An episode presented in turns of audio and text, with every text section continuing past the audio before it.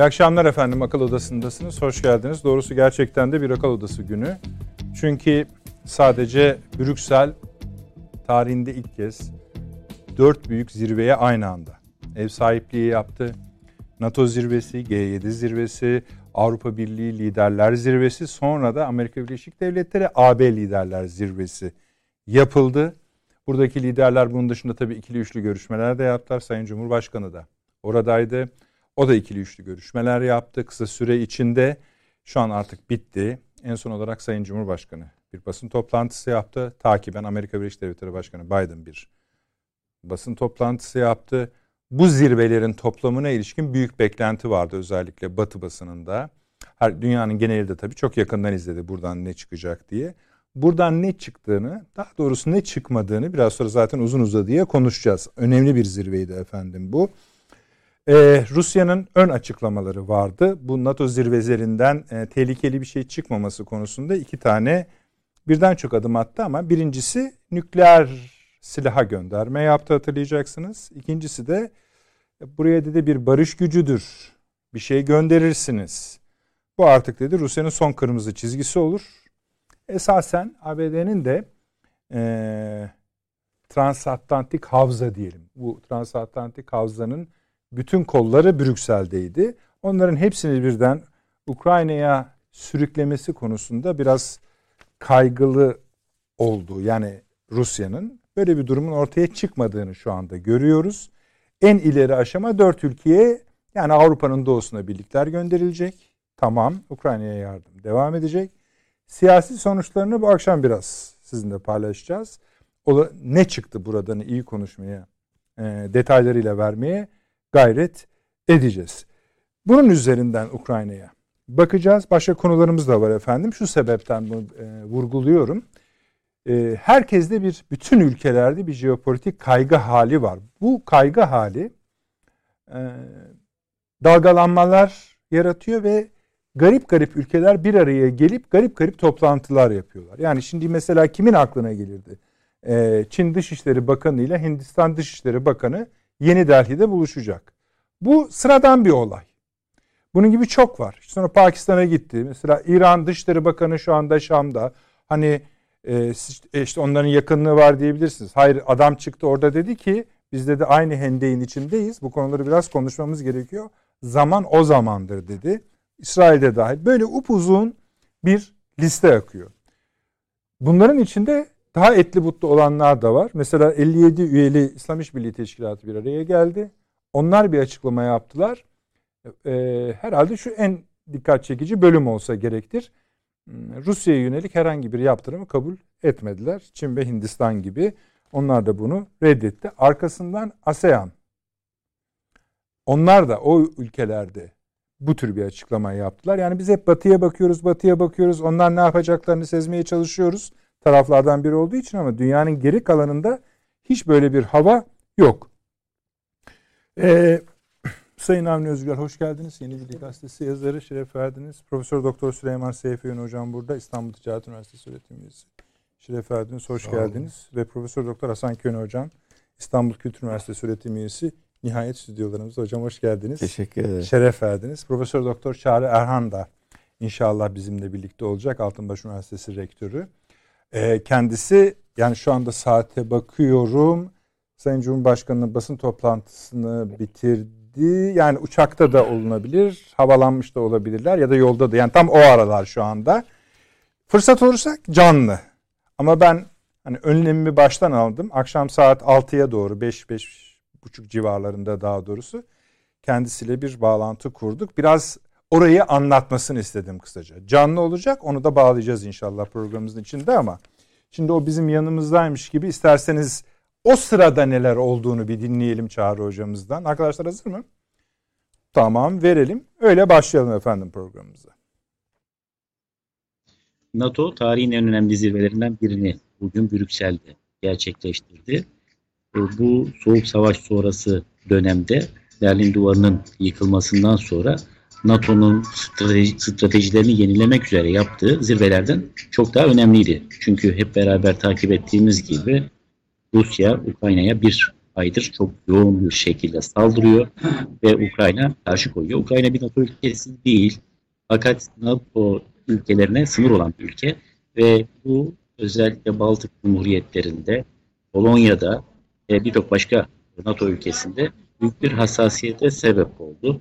Yarın öbür gün NATO genişlemesi devam ettiği takdirde Rusya acaba bu ülkelere de bir saldırıda bulunur mu gibi bir endişe içerisine girdiler. Zaten bu saldırının ilk günden itibaren nedenini açıklamaya çalışan Putin hep Rusya'nın NATO genişlemesinden duyduğu rahatsızlığı dile getiriyordu. Biz de programlarda defalarca bunu ele almıştık. Yani Gürcistan saldırısı 2008'de hangi sebeple gerçekleştiyse burada Ukrayna'ya yaptığı saldırıda büyük ölçüde aynı sebeple gerçekleşmişti. Tabi her ne kadar Ukrayna NATO üyesi olmasa da e, NATO duymuş olduğu büyük bir rahatsızlığı bu zirvede dile getirdi. En güçlü şekilde dile getirdi. Bir defa bir sürpriz var. Sizler de e, dikkat etmişsinizdir.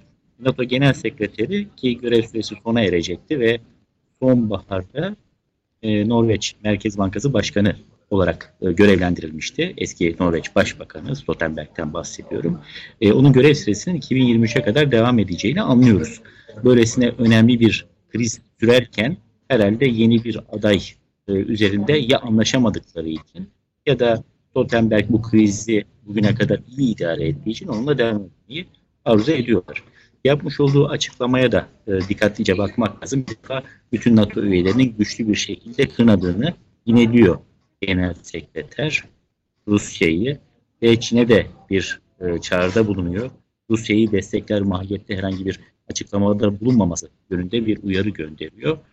E, yine NATO'nun doğu sınırındaki asker sayılarının artacağını, burada yeni hem kara hem hava hem de deniz birlikleri e, konuşlandırılacağını ifade ediyor. Ukrayna'nın da kendisini savunması için mühimmat aktarılmasını da sürdürüleceğini ifade ediyor.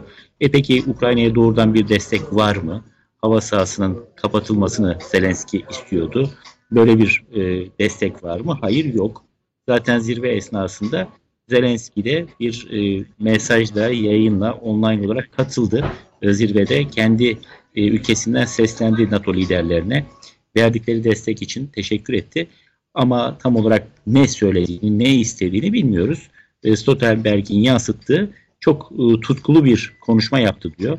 Yani heyecanlı bir konuşma yaptı demeye getiriyor ama e, NATO'nun yaptığı açıklama bende aynı heyecanı doğurmadı. Yani herhalde Ukrayna'nın beklentisi daha fazla Rusya'yı caydıracak bir açıklamanın çıkmasıydı. Bunun olmadı, olmadığını gördük. E, olabileceği de zaten e, beklenmiyordu. Çünkü Biden ilk günden itibaren asker gönderilmeyeceğini Ukrayna'ya ifade etti. E, Rusya keza böyle bir tutum içerisine girerse NATO ülkeleri onu açık bir e, NATO'nun kendi ülkesine saldırısı olarak değerlendirileceğini ifade etmişti. Yani bir 3. Dünya Savaşı çıkartmak NATO bugün itibariyle istemiyor. Öyle gözüküyor. Bu da tabi beraberinde e, Ukrayna'ya yapılacak olan yardımın ancak mühimmat aktarılmasıyla ve Rusya üzerindeki ekonomik yaptırımların sürdürülmesiyle e, olabileceğini gösteriyor. Zaten e, Stoltenberg yine açıklamasında ne dedi? Emsalsiz, tarihte örneği görülmemiş yaptırımları Rusya'ya uygulamayı sürdüreceğiz. Tabii bu NATO zirvesinin bir başka da tarafı da var. Önemli bir tarafı bizi ilgilendiriyor o da. Biliyorsunuz Türkiye başından itibaren, bu krizin başladığı günden itibaren e, hayır hak bir tarafsızlık takip etti. Bir yandan Ukrayna'nın mağdur olduğunu, saldırıya uğradığını, Rusya'nın davranışının saldırgan bir davranış olduğunu, uluslararası hukuk ihlali olduğunu ifade ederken bir yandan da taraflar arasında diyalog kapılarının açık tutulabilmesi için en etkin diplomasiyi yürüten ülke oldu. Hatta iki ülkenin Dışişleri Bakanlığı Antalya'da ağırlamayı da başardı. Bundan sonra liderler arasında bir görüşme olacaksa bunu da ev sahipliği yapmayı aslında Türkiye önerdi. Ama bunu yaparken Türkiye bir konuyu da sürekli dile getiriyordu. O da kendisine uygulanan açık ve kapalı ambargolar. Yani Türkiye'nin e, bir NATO üyesi olduğunu unutmayalım. Bu iki ülkeye de Ukrayna ve Rusya'ya da komşu olan ve NATO'nun özellikle Soğuk Savaş sonrası dönemde yaşanan krizlerinin hemen hemen tamamını etrafında gerçekleştiği e, tamamına komşu olan bir ülkeden bahsediyoruz. Yani Irak Körfez Harbi de, Türkiye'ye komşu olan bölgede cereyan etti. Soğuk Savaş sonrası olanlardan bahsediyorum. Kafkasya'da Ermenistan, Azerbaycan arasındaki Karabağ Savaşı da Türkiye'ye komşu olan bir bölgede cereyan etti. Daha evvel Rusya'nın Gürcistan müdahalesi, Kırım'a müdahalesi, e, Balkanlarda meydana gelen çatışmalar, Bosna ve Kosova Harbi, böyle bir coğrafyada bulunan ve sürekli hazırlık düzeyinin yüksek olması gereken bir ülkeye bazı NATO üyesi ülkeler ambargo uyguluyorlar. Bunun adına açık açık ambargo koymamakla beraber ve bunun e, net bir şekilde bir silah ambargosu olduğunu uluslararası ilişkiler birinci sınıf okuyan bir öğrenci bile bilir. Geçen hafta Alman Başbakanı Ankara'daydı. Kendisine basın mensupları sordular. Türkiye'ye silah göndermeye başlayacak mısınız diye. E, bizim bununla ilgili bir mevzuatımız var dedi. E, herhalde mevzuat olacak yani neye göre göndereceksiniz onu sormuyoruz ki sana. Dolayısıyla böyle kıvırarak etrafından dönerek bir takım cevaplar vermeye çalışıyorlar. Yine Ukrayna'ya bizim daha evvel gönderdiğimiz bu bayraktarlarda kullanılan optik sistemlerle ilgili Kanada'nın uyguladığı bir e, ambargo var. Amerika Birleşik Devletleri Türkiye'yi parasını verdiği, sahibi olduğu projelerin F-35'ten dış, dışlamış durumda. Ve başka bazı e, NATO üyesi ülkelerde Amerika'nın e, yönlendirmesiyle böyle bir tutum içerisine girdiler. Tarihin en büyük krizlerinden birini yaşamakta olan NATO'nun Rusya'ya ve diğer tehditkar ülkelere güçlü durabilmesi için her şeyden önce kendi içinde müttefiklerle uygulanan bu çifte standartın ortadan kaldırılması lazım. Yani geri geldiğinde Türkiye'ye aferin, çok güzel yapıyorsunuz, Ukrayna'ya destek oluyorsunuz, Rusya'ya da e, boğazları kapattınız, Montreux'u uyguluyorsunuz, çok iyi yapıyorsunuz demeyi biliyorlar da ama Türk Silahlı Kuvvetleri'nin ihtiyaç duyduğu hele böyle bir dönemde hava savunma sistemlerinin Türkiye'ye aktarılmasında veya Türkiye'nin o savaş uçakları sistemleri içerisinde yer almasında aynı cömertliği göstermiyorlar. Aksine köstek olmaya çalışıyorlar. Bu sadece NATO üyesi ülkelerle ya da Atlantik ötesinde Amerika Birleşik Devletleri ile ilgili değil. Avrupalı müttefiklerinde bu en son stratejik pusula denilen belgede gördüğümüz gibi büyük bir stratejik körlük içerisinde olduklarını gözlemlemekteyiz. Nasıl bir tehlikeyle karşı karşıya olduklarını analiz edebilecek, değerlendirebilecek maalesef düzeyden yoksunlar. Burada daha evvel programlarımızda söylemiştik. Yani burada ağırlık olarak bir kahtiricel yaşanıyor. Merkel en son Avrupalı liderdi. Ondan sonra Avrupa'da lider falan kalmadı. Yani bugün ne bir Mitterrand ayarında hatta Chirac ayarında bir Fransız lideri var. Macron öyle değil. Teraziye koysanız onun onda biri etmez. Ne bir Merkel ayarında bir Alman lideri var ne de İtalya'da Prodi ayarında bir lider var. Dolayısıyla Avrupa'nın da böyle bir dönemden geçtiğini unutmamamız lazım. Ee, Türkiye ısrarla NATO'nun dayanışma ilkesine vurgu yapıyor ve müttefiklerin hiçbirinin diğer bir müttefike yaptırım uygulamaması gerektiğini ancak bu şekilde dış tehditlere karşı güçlü bir duruş sergilenebileceğini ifade ediyor. Bunu da bundan sonraki dönemde dile getirmeye devam edecek. Aksi takdirde NATO içerisinde bazı üyeler diğerlerine ayrımcı davranırken dışarıya doğru e, güçlü bir tavır sergilemenin zorluğu ortada. E böyle bir şey olur, olursa da Ukrayna ötesinde davranışlar içerisine girerse Rusya onu caydırmak da mümkün olmayabilir. Bugün itibariyle e, Brüksel'de gerçekten de tarihi bir zirve yaşandı. Ama ortaya çıkan sonuçlara baktığımız zaman o sonuçların e, çok da sürpriz olmadığını, büyük bir ölçüde tahminlerle örtüştüğünü görüyoruz. Ukrayna'ya e, net bir askeri destek verilmeyeceğini de tekrar e, yineleyelim. Yani NATO aslında e, biz bugüne kadarki tutumumuzu güçlendirerek devam edeceğiz ama 3. Dünya Savaşı'da çıkmasını istemiyoruz dedi. Peki. Teşekkür ettik Çağrı hocamıza. Hani evet sürpriz yok ama şekle baktığınızda şekil çok kuvvetli bir şekil Batı açısından. Herkes orada. Ee, işte saydık dört tane zirve aynı anda yapıldı. Fazla bir şey söylemeye gerek yok. Şu kafi. Herkes oradaydı ama e, sonuç bu. Evet. Sahne kalabalık ama, oyun yok. Seyirci yani, de var esasında. Seyirci ne de var. Tabii seyirci de var ama ortada bir tekst yok. Bir oyun yok. Tabii sonuç da yok ama şov güzel yani. Evet. Bakarsan. Bu manada e, Çağrı Hoca'nın söylediği doğru. işte tarihi bir zirve. Ama yani sonuçlarda bakımından da bir tarih, o tarih zirve olduğunu gösterir. Sonuçlar söz konusu değil. Yani o ne duvar yıkıldı ne duvar inşa edildi. Şöyle sorayım mı size? Mesela şu anda Mos yani Kremlin'den bunu izliyor olsaydınız ne anlardınız? Devam. Yola, Yola devam. de- Durmak yok. Yola devam. Ha, anladım. Yani bu kadar. Yani NATO'nun yapacağı bir şey yok. Amerika'da daha fazlasını yapmak istemiyor falan. Devam edin gitsin diye. Yani ben e, Amerika'nın bile Amerika'nın bu kadar mesela yardımlar şu kadar yardım yaptık bu kadar şeyi imzaladım diyor Biden, Biden zaman zaman falan bunların hepsi o gönderilen bir takım silahların filan yardım malzemelerinin fatura edilmiş hali. Yani e, yani onların böyle nakit bir yardım filan. Zelenski de yani öyle hani parayı parayı elden gönderin der gibi çocuğun bir tavrı var ama yok. Yani o da değil.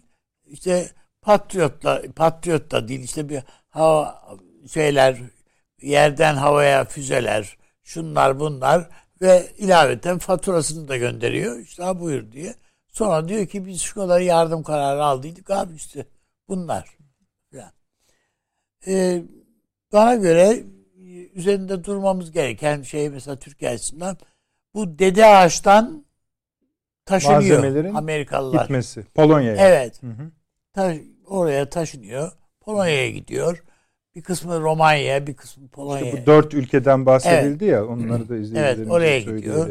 Yani bizde hani böyle dede ağaç sendromu Varmış. başladıydı. Evet. Şimdi Ondan ona girmeyeyim artık. Ona- çok evet, çünkü gerek dertleniyor, vahlanıyormuş gibi oluyoruz kendi ha, yani medyamız hayır açısından. yani Yapmayalım gereksiz bir şey oldu. Romanya, Bulgaristan, Macaristan, Slovakya artı Polonya'yı anlıyoruz. Evet. Orası merkez üstüne dönüyor. Ama bu şeye baktığınız vakit bu zirveye ve e, tabloya baktığınız vakit baktığımız vakit ister e, Biden'ın işte e, Polonya ziyaretine şuraya buraya da dahil yani o e, şeylere bakıldığı o bakmış olalım fark etmez. E, bu topun ağzında görünen ülkelerin durumu hiç değişmedi. Hepsi yine sancılı. Hiç yani rahatlamış gibi gözükmüyorlar. Değiller de zaten. Yani e, Rusya açısından bakıldığında yani Rusya belki bir nebze hatta rahatlamış gibi gözükebilir. Çünkü Rusya neredeyse bu zirve öncesi nükleer e, tehdit e, masaya getirecek veya ima edecek kadar işin altını çizdiydi. Ha, şimdi anlaşıldı ki o tehdit işe yarıyor yani. Geri adım atıyorlar. Yok böyle bir şey kardeşim diye. Ve anlaşılıyor ki yani kurban yerde yatmaya devam ediyor tabii. Öyle değil mi? Yani Öyle. bilmiyorum. Öyle yani e, ve o debelendikçe e, Batı'da bu e, reyting yapıyor. Yani en sonunda e, Zelenski'ye e, Oscar törenlerinde sunuculuk yaptırsak mı ki veya konuşma Falana gelmeye Ve o, o noktaya kadar götürdüler işi. Hı hı. Falan. E, yani artık bu bunun bu, bu kadar olmasının bir saçmalık olacağını belki düşünerek nihayetinde Oscar komitesi vazgeçmiş. Yani böyle bir şeyden. Yoksa o kendi gündeme gelmişti yani o nokta. Ee, ama bakıldığında Ukrayna halkının tahammülü bitti. Görünen o yani. Evet o vatanseverlik görüntüleri filan. Hatırlıyorsanız o kum Gayet tabii. işte kum torbaları şunlar bunlar taşıma getirme götürme filan filan. Orada bir tek bu işte sürdürelim. Yani e, de- devam edelim yola abiler hani arkayı dörtleyelim filan şeyi, üslubu bir tek paralı askerlerde var. Yani onlar da paralarını alıyorlar. Yani adamlar ne yapsınlar yani? Filan diye düşünüyorum. Yok. Ee, Zelenski'nin beklediği ne uçaklar geldi, ne hava bilmem füze, füzeleri, ne işte e, onun dışında işte böyle uçuşa yasak bölgeler, şu bu filan yani hiçbir şey yok ortalıkta. E zaten Ukrayna bu silahların çoğunu kendisi de yapar bir ülkedir yani esasında. Ama e, Ukrayna'yı bu askeri müdahale öncesi yani Rusya'nın bu müdahalesi öncesi biraz da iyi diş hale getirdiler. Hmm. Yani o silah üretimle üreten ülke dünyanın en önemli silah üreticilerinden bir tanesi Ukrayna. Evet. Çok muazzam gelişmiş bir teknolojinin de sahibi. Ama ona rağmen böyle abonde olmuş gibiydi. Hiçbir şey üretemez hale geldi. Onun için e, ben e, artık e, bu müzakerelerde hani hangi safhaya gelindi diye bakılıyor. Ve yani Ukrayna halkı yerle bir vaziyette ve her gün yüzlerce binlerce çoluk çocuk insan katlediliyor, ölüyor. Yani bunu böyle e, seyretmek ve sadece efendim e, Zelenski'nin açıklamasını gördüm. Halkı, bütün dünyada insanları sokağa davet ediyorum filan gibi böyle. Protesto gösterilerine davet ediyorum. Yani bu, bu, bu, bu efendim o şey o ölümler devam etsin yerde çağrısı gibi geliyor bana. Ee, ve bu e, Ukrayna açısından bir facia. Bunun onarılması öyle kolay bir şey değil artık. Şunu da sorayım. Yani Ru, e, tamamen e, o manada e, Moskova'nın insafına kalmış vaziyette. E, yani ve, sizin bu zirvenin sonuç bildirgesine yazdığınız cümle şu. Moskova'ya yürü dediler. Evet yürü. Evet yani biz senden bunu bekliyorduk. Ya da bu kadar mıydı?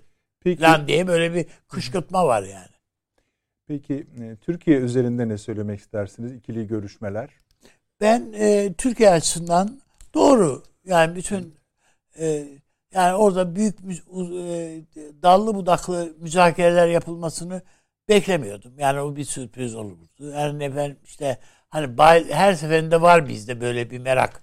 Biden görüştü mü? Kaç dakika görüştü?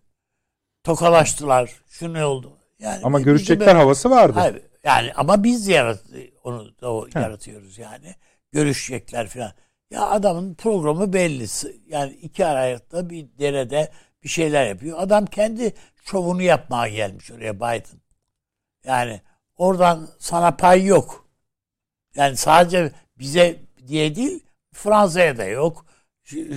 Zelenski'ye bile yani kardeşim bir NATO zemininde e, Zelenski'ye'nin daha önce e, hocam daha iyi bilir bu şeyi sorayım. E, böyle bir NATO dışı bir üye olmayan bir ülkeden devlet başkanı falan gelip konuşabilir mi? Yani? Hayır hayır. hayır. Adamı dinledi yani NATO. Değil mi? Yani e, bu öyle kolay bir şey değil yani. E işte bunlar filan varana kadar yapıldı yani. Buna en, çok izin veriyor. Ve ne, ne söyledi dediğinizde de yine aynı şeyleri söylüyor. Yani sana bana söylediklerinden farklı şeyler de orada söylemiş değil yani. Zelenski. Aynı. O bakımdan e, yani NATO'dan vazgeçti. Bu gazeteciler bile soruyorlar Biden'a.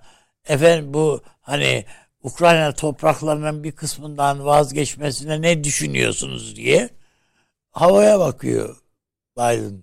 Yani hiç o kendi kararı onların falan gibilerden. Peki. Hiç öyle bir şey yok. O yüzden ben e, hani daha fare doğurdu da demiyorum. Yani bir, bir doğum yok ortada. Yani gerçi bakarsanız hani e, o gebelikten dolayı bir tekmeler atılıyor, bir şeyler oluyor içeride. Sizde bir hani, ha, çocuk var zan, bebek var zannediyorsunuz ama yok. Olmadı. Bu zirvenin adı ne? Olağanüstü değil mi? Evet, öyle. Hangi konuda olağanüstü? Evet. Ukrayna, konusunda. E Evet. evet diyorsun yani. Evet. Onlar da kadar, öyle diyor. O kadar. Evet. NATO da öyle diyor. Avrupa Birliği de öyle diyor. G7 de öyle diyor. Aynen öyle. Yani bunun Türkçe daha da Türkçesi şu. Orada insanlar ölmeye devam etsin. Tabii o kadar. Tamam budur. Şu an ve olan da o. Peki. Süleyman Hocam. Soru bir. Genel değerlendirmeniz nedir? Ne çıktığını düşünüyorsunuz? Evet. İki Türkiye açısından bir de şöyle bir şey söyleyebiliriz mesela. Türkiye e, bu arabuluculuk e, sürecini çok takip ediyor. Sizin başka fikirleriniz olduğunu biliyorum ben bu konuda ama şöyle bir ufak kalkan yaratıyor Türkiye'ye bu. Bize yaptırımlar konusunda üzerimize gelemiyorlar. Çünkü yaptırımlara katıldığınız andan itibaren diyeceksiniz ki kardeşim bir tek ben görüşüyorum zaten bu adamlarla. Onu da mı oradan almak istiyorsunuz deme şansınız doğuyor. O konudaki fikriniz ne? Bir de bir şey daha sorayım. Hasan Hoca ile birlikte sorayım. O yeri gelince o da e, cevaplasın lütfederse. Madeleine Albright Evet. Evet. e, öldü. Belki genç seyircilerimiz Toprağı bilmez. bol olsun. Dışişleri Bakanı Amerika Birleşik Yani. Devletleri'nin Polonya, Doğu Avrupalı, pardon Macar, Çekoslovakya. Çekoslovakya, Çekoslovakya. Doğu Avrupalı ve bütün Doğu Avrupalı Amerikan diplomatları gibi NATO'nun güçlü olmasını, yeniden dizayn edilmesini ve Rusya'nın da biraz daha üzerine gitmesini savunuyordu.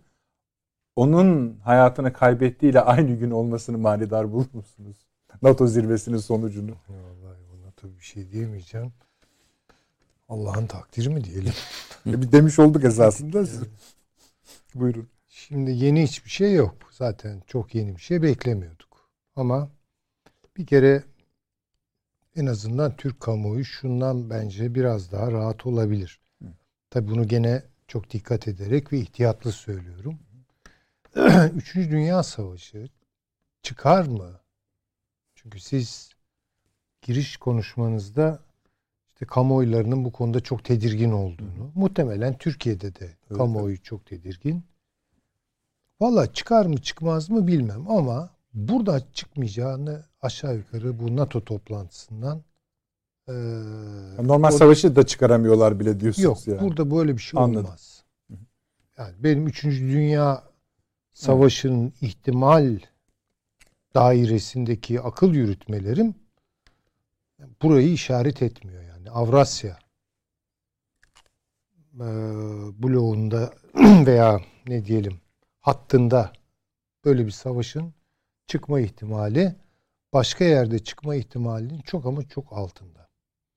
Zaten aşağı yukarı yapılan açıklamalara, konuşmalara baktığımız zaman bu net olarak gözüküyor. Hı hı. Çıkacaksa başka yerde çıkar. Ve başka şekilde çıkar. Ee, gerilim devam ed- edecek mi ya da düşecek mi, bir anlaşma umudu var mı vesaire gibi sorulara da maalesef menfi cevap vermek zorundayız.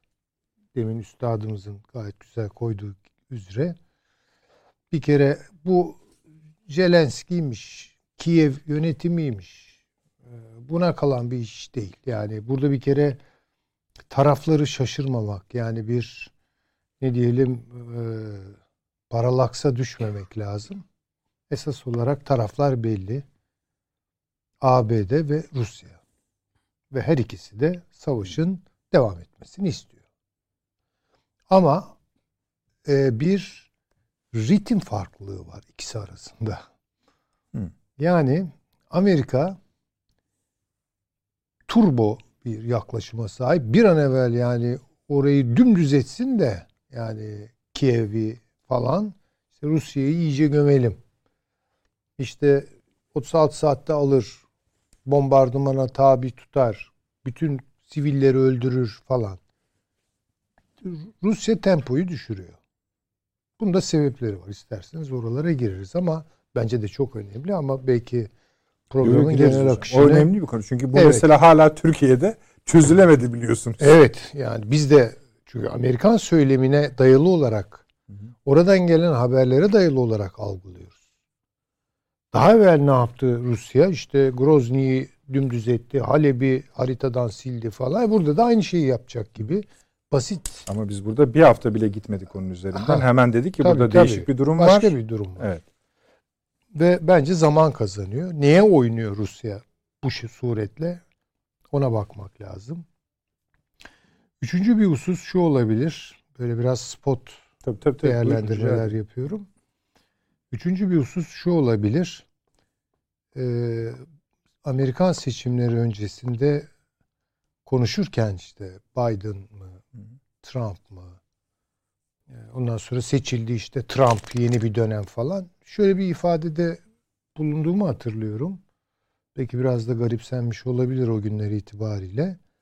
Trump şey affedersiniz Biden'a oy verenler Amerika'ya oy vermediler dedim. Evet bu konuşuldu. Evet konuşuldu. Açılımlarını da söyledim. Şimdi yani biraz daha bence bir katmanda aşağı inmek lazım. Biz fazla blok değerlendirmeler yapıyoruz. Yani orada bir Rusya var, burada bir Amerika var. Halbuki şunu dikkate almamız lazım. Şu an Amerika'da iktidarda olan demokratlar Amerika'ya oynamıyorlar. Onlar bambaşka bir yere oynuyorlar ve Amerika'da bunların aslında umurunda falan değil. Hı hı. Trump boşuna mücadele küreselcilerle yurtseverler arasında diye bir ifadeyi kullanmadı. Yani e, yerliciliği temsil eden, tamam arka planı ultra sağ popülizmdir, hatta faşizme kaymaktadır, ırkçı tarafları vardır vesaire. Onları ben bilmiyorum. Yani onlar konuşulabilir. Ama Amerika'da şu an mücadele sadece Amerika için siyaset yapmak. Şöyle veya böyle, doğru veya yanlış. İsteyenlerle ki cumhuriyetçilerde toplanıyor bu. İstemeyenler. Yani Amerika bize vız gelir. Biz çok evrensel bir takım değerlerle, küresel bir takım niyetlerle yola çıktık diyen demokratlar arasında. Yani şeye de baktığınız zaman, yani Rusya'ya da baktığınız zaman bu ayrımı görüyorsunuz. Yani Putin Rusya, önce Rusya diyor. Trump da önce Amerika diyordu. Ve önce Amerika diyen Trump'la önce Rusya diyen Putin gayet iyi anlaşıyorlardı. Değil mi yani? Bir problem yoktu. Şimdi önce küresel değerlerin savunulması diyen bir Biden var. Karşısında tabii önce Rusya diyen bir Putin. Dolayısıyla burada bir kısa devre çıkması zaten baştan belliydi. Rusya'nın içinde de önce Rusya değil küresel değerlerdir diyen mesela son istifa olayı değil mi? Merkez Bankası Başkanı mıydı? Yani görevi neydi? Danışmanı mıydı? Danışman. Danışman özür dilerim. Etkili bir adam istifa etti ve Rusya'yı terk etti demek yani. Navalny veya işte diğerleri de önce Rusya demeyen adamlar. Hatta önce terk etmiş sonra ha, bunun istifayı gibi. geriden yani, yollamış. Şimdi böyle bir böyle bir kavga var. Bu ve dünyanın her yerinde var bu kavga. Onun için çok dikkat etmek ve momentleri iyi kollamak durumundayız. Şu an konuşan Amerika değil bakınız. Biden ve Biden Amerika değil. Yani tamam. söylemi öyle olabilir tabii ki yani. Ama o değil. Amerika'yı yeri geldiği zaman gözden çıkarabilecek olan bir e, zihniyeti temsil ediyor. E, onun için e, Kasım seçimlerinde ne olur? Sonrasında ne biter? Amerika nereye evrilir? Onları bilmiyoruz. Bu sürecin böyle lineer bir çizgide devam edeceği kanaatinde de değilim ben. NATO'yu derlemek, toparlamak. NATO bugün e, doktrini başka türlü, başka telden bir şeyler söylüyor olabilir ama esas olarak e, önce Amerika diyenlerin NATO'su değil. Bunu görelim. Hatta ben daha da ileri gideceğim. Neokon akım ki Bush bunun en karakteristik e, önderlerinden biriydi. Bu seçimde unutmayalım ki Biden'ı destekledi. Yani bu şu demek. Neokonculuğu da yanına alıyor. Küreselciler. Onun için böyle zaman zaman küresel değerler üzerinden yürütülen siyasetleri biraz kazıyınca altından Siz bu seçimlerde ırkçı, bunun e, Biden'a yaradığını Hayır ben yar, asla ha, yaradığı tamam. kanaatinde hani değilim. Topla, yani onları da alarak dediğiniz değil, için. Değil. Acaba öyle bir siyasi çıkarım Yok. yapalım mı? Yalnız Peki. şöyle Biden'ı öne sürenler ki bunun ben tabii ki büyük ölçüde finans kapital yani dünya kapitalizmi, küresel kapitalizm.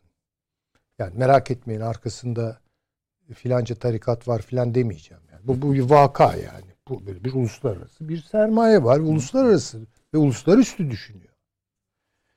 Bu adamlar Biden gibi birini sürerler. Biden tökezler.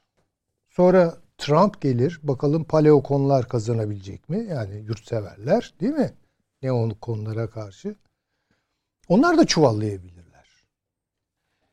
Fransa'da Macron düşer, Mikron gelir. O da çuvallar. Ve bu düşük profilli şimdi mesela şu NATO toplantısı için benim gördüğüm yani izlediğim haberlerde sık sık üzerinde durulan İngiliz Başbakanı Boris Johnson. Bu adam bir soytarı gibi diyorlar. Haberler böyle geliyor böyle bir adam hakikaten göbeğini kaşıyor, ellerini arkaya yani nerede olduğu belli olmayan ha böyle bir hiç, hiç İngiliz incelikleri falan onları temsil etmiyor. Bu düşük profilli e, liderler kadrosunun toplu itibar kaybı üzerinden ne yaşanacak? Bence önemli olan şey budur. Bu savaş çok açık ki Ukrayna'yı neredeyse tarihten siliyor. Haritadan değil belki ama tarihten siliyor. O güzelim insanların yaşadığı o güzelim memleket mahvoluyor. Ukrayna birinci derecede ama Rusya yıpranıyor. Kazansa bile yıpranacak. Bu çok açık. Ama onu yıpratanlar da Amerikan seçimlerinde yıpranacaklar. Şimdi böyle toplu bir benim dikkatimi çeken şey o. Yani toplu bir otofaji yıpranma şeyi var. Evet. Yani dünyada böyle bir ve siyasete dönük müthiş bir inanç kaybı.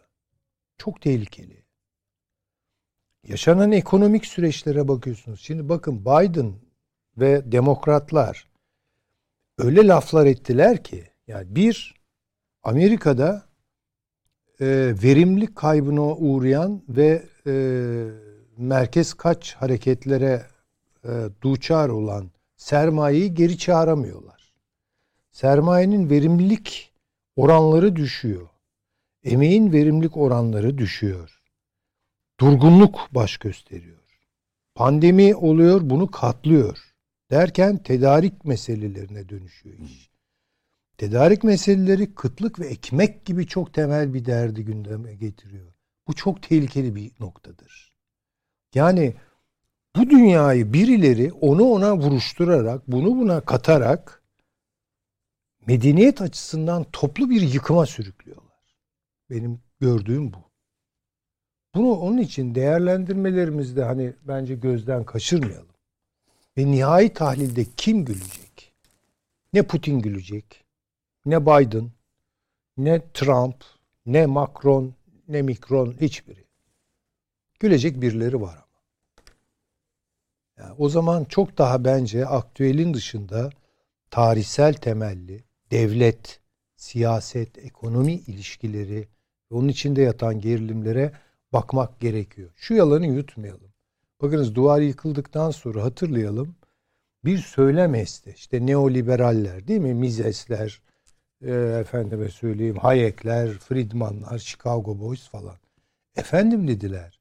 Devletli ekonomiler verimlilik kaybı yaratıyor. Onun için devleti aradan çıkaralım, her şeyi ekonomik kılalım. Ekonomiyi ekonomiye mahkum ederek veya sabitleyerek. Göreceksiniz ki verimlilik patlayacak. Çünkü devlet en büyük engel. Değil mi? Ne oldu? Buna rağmen sürekli olarak verimlilik kayıplarına uğradı dünya. Ve bu verimlilik kayıplarını telafi etmek için korkunç bir iş, kanserojen bir iş yaptılar. Para bastılar. Üretim dünyada artmıyor veya en azından Amerika'da artmıyor, Batı'da artmıyor ama parasal stoklar artıyor. Dolayısıyla bunun sonunun enflasyon olacağı belli değil miydi? 2008 krizinden dünyayı Çin kurtardı. Bunu görelim. Çin kurtardı. Çin de para bastı ama ekonomiye soktu onu. Amerika'da şirket kurtarmaya gitti o paralar. Değil mi? E, ama şu an Çin de kapandı. Onun için tehlikeli noktalara gidiyoruz. İkinci, üçüncü Dünya Savaşı eğer çıkacaksa ki mümkündür, muhtemeldir. Çıkacağı yer büyük bir ihtimalle Pasifik olacaktır. Çünkü en büyük nüfuslar oradadır. Bir de şeyin e, söylediği gibi bu nüfus meselesini dert eden bir iktisatçı vardır bildiğiniz gibi. Malthus. Malthus'u mutlu edecek bir yerde çıkacak. Malthus gibi düşünenleri mutlu edecek bir yerde çıkacak. Onun için oralara ayrıca bakmak lazım. Yani demek istediğim yani Biden bugün böyle dedi işte ona karşı e, efendim Almanya böyle dedi, Rusya böyle dedi. Ya tamam da yani biraz daha büyük bir fotoğraf üzerinden bakarsak bir alamete bindik, gidiyoruz bir yerlere de bizi taşıyan yelkenli e, onun yelkeni kürekleri falan kimin elinde dümen kimin elinde biraz onlara bakmakta bence fayda var. Zirveye yönelik söyledikleriniz bunlar. Evet yani. Peki. Yani Hocam, 3. Dünya Savaşı burada çıkmayacak. Merak etmesin insanlar. Hayır yani şöyle bir şey var tabii hocam onu şey yapmadı. Hatırlatmak lazım. Yani bütün bunlara bir cevabı var birilerinin. Ya sen diyor aldırma bunlara. Mars'a gidiyoruz ya. Ha işte öyleleri var tabii. Doğru. Yani füzeleri, evet. roketleri hazırladık Mars'a gidiyoruz. Tabii. Diye. Yani Don't Look Up filmini evet, seyretmesi evet. lazım insanların. Hasan Hocam buyurunuz. Nasıl buldunuz zirveyi? Beğendiniz mi? Şimdi e, hocamın görüşü çok makro. Makro. Ben biraz daha orta boyutta. Hepsini yapalım. Yani bir tabii, sahayı tabii. tahlil edelim. Sonra bölgeye yayalım. Sonra yani şeye çıkalım. Hepsini konuşalım belirsizliği hocam. ve durumun bu yapının bir belirsizlik yarattığını ortaya koydu. Tabii tabii. Bu açık bir tarzda. Şimdi e, bir söylediğine daha da katılıyorum. Siz de katılıyorsunuz. Bu Amerika ile Rusya'nın e, çekişmesi. Şimdi Trump ne istiyordu? Trump'ı çok izliyorduk. Çünkü Trump'ın savaş çıkaracağını biz düşünüyorduk bu tavırlarıyla. Trump diyordu ki Avrupa'ya biz fazla para harcıyoruz. Hocam şey de diyordu ama bir tek ben çıkarmadım savaşta diyordu giderek. Evet diyordu. Diyor. diyor onu söylüyor. Bir tek e, biz para harcıyoruz. Avrupa Birliği Avrupa ülkeleri daha doğrusu NATO'yu oluşturan gayri safi milli hasılarının yüzde ikisini harcasınlar. Şimdi bu oldu. Yani bunu sağladı. Hepsi büyük para harcayacaklar. Savunma harcamaları yukarı çıkacak. Bu NATO'daki kararlardan biri de bu. Bu sağlandı. Ee, korkmaları gerekiyordu Rusya'dan. O korkuyu da sağladılar. Çünkü daha evvel şey incelemiştik biz. Avrupa Savunma Birliği nasıl oluşuyor diye. PESCO diye bir sistem kurdular. Bu askeri teknik e, yapımların birlikte yapılabilmesi, teknoloji transferleri. Peşinden Avrupa Fonu. Sonra 60 bin kişilik hızlı harekat gücü. Ama sonra para fazla geldiği için 5 bin kişiye indirdiler. Gene aynısını tekrarlamışlar. Bu tamamen Trump'ın bizi koruyamayacağı, biz kendimiz bir yapı oluşturalım. Bir tek farkları vardı. Ya nükleer güç olarak da İngiltere'de kalsın yanımızda. Her ne kadar dışarı çıkıp Amerika'ya yanaşıyorsa da işte o Brexit sıralarında onu da nükleer güç olarak tutalım. Fransa'nın da var. Bu yeterli dengeyi oluşturur. Peşinden de Rusya'dan korkmuyoruz. Niye? İşte petrol gaz satıyor. Zaten Avrupalı olmak istiyorlar. Almanya'dan çok Mercedes Rusya'da var. E Çin de diyorlardı Atilla gibi atlara binip Avrupa'yı işgal etmeyecek. O da mal satıyor. Şimdi gelişmeye bakıyorsunuz. Bir kere Avrupa bir yol ve kuşak projesi uygulamaya koydu. Yani Çin'in yol ve kuşak projesine karşı. Peşinden Amerika 3W bir şey adlı o da bir yol kuşak projesi. Ha, dedik ki bütün bunlar hem ona alternatif hem rakip öyle. Rakip hı hı. Çin'den korkuyorlar. Ola Çin ve Rusya peer yani eşit rakip değil. İşte nükleer silahları var ama asıl rakip en çok üreten, en çok mal satan e, Çin. O halde biz stratejik olarak Çin'e konsantre olduk. Hakikaten de Biden geldiğinde bir faaliyete geçti. İngiltere'yi aldı, AUKUS paktını kurdu. Peşinden Quattro diye Japonya'yı, Hindistan'ı falan alarak bir dörtlü yapıyı daha kurdu. Oraya doğru ve Amerika'nın bir e, şeye bağlı, e, meclise bağlı research servisi vardır. Orada her ülke konusunda böyle 800 kişilik bir grup e, şeye bağlı an- analiz yaparlar ve oylamaya giren vatandaşlar yahut işte milletvekilleri o 15-20 sayfayı okur ona göre gidip el kaldırır indirirler. Şimdi o belgelere de bakıyoruz. E, Açıktır giren Hı hı. Kongre Research Service diye girdiğinde Çin Rusya ile ilgili şey yok. Rusya şöyle yapıyor, böyle yapıyor, şu yatırım yapıyor, şu kadar petrol var. Bir de istedikleri ikinci bir konu üzerinde durdukları Avrupa'nın Rus enerjisine, gazına, petrolüne bağlı olmaması. Şimdi bunu da gerçekleştirdiler. Düşünebiliyor musunuz? Hem Avrupa'yı bir arada topladılar Amerika'nın yanına. Peşinden Rus gazının bu tarafa gitmesini önlediler.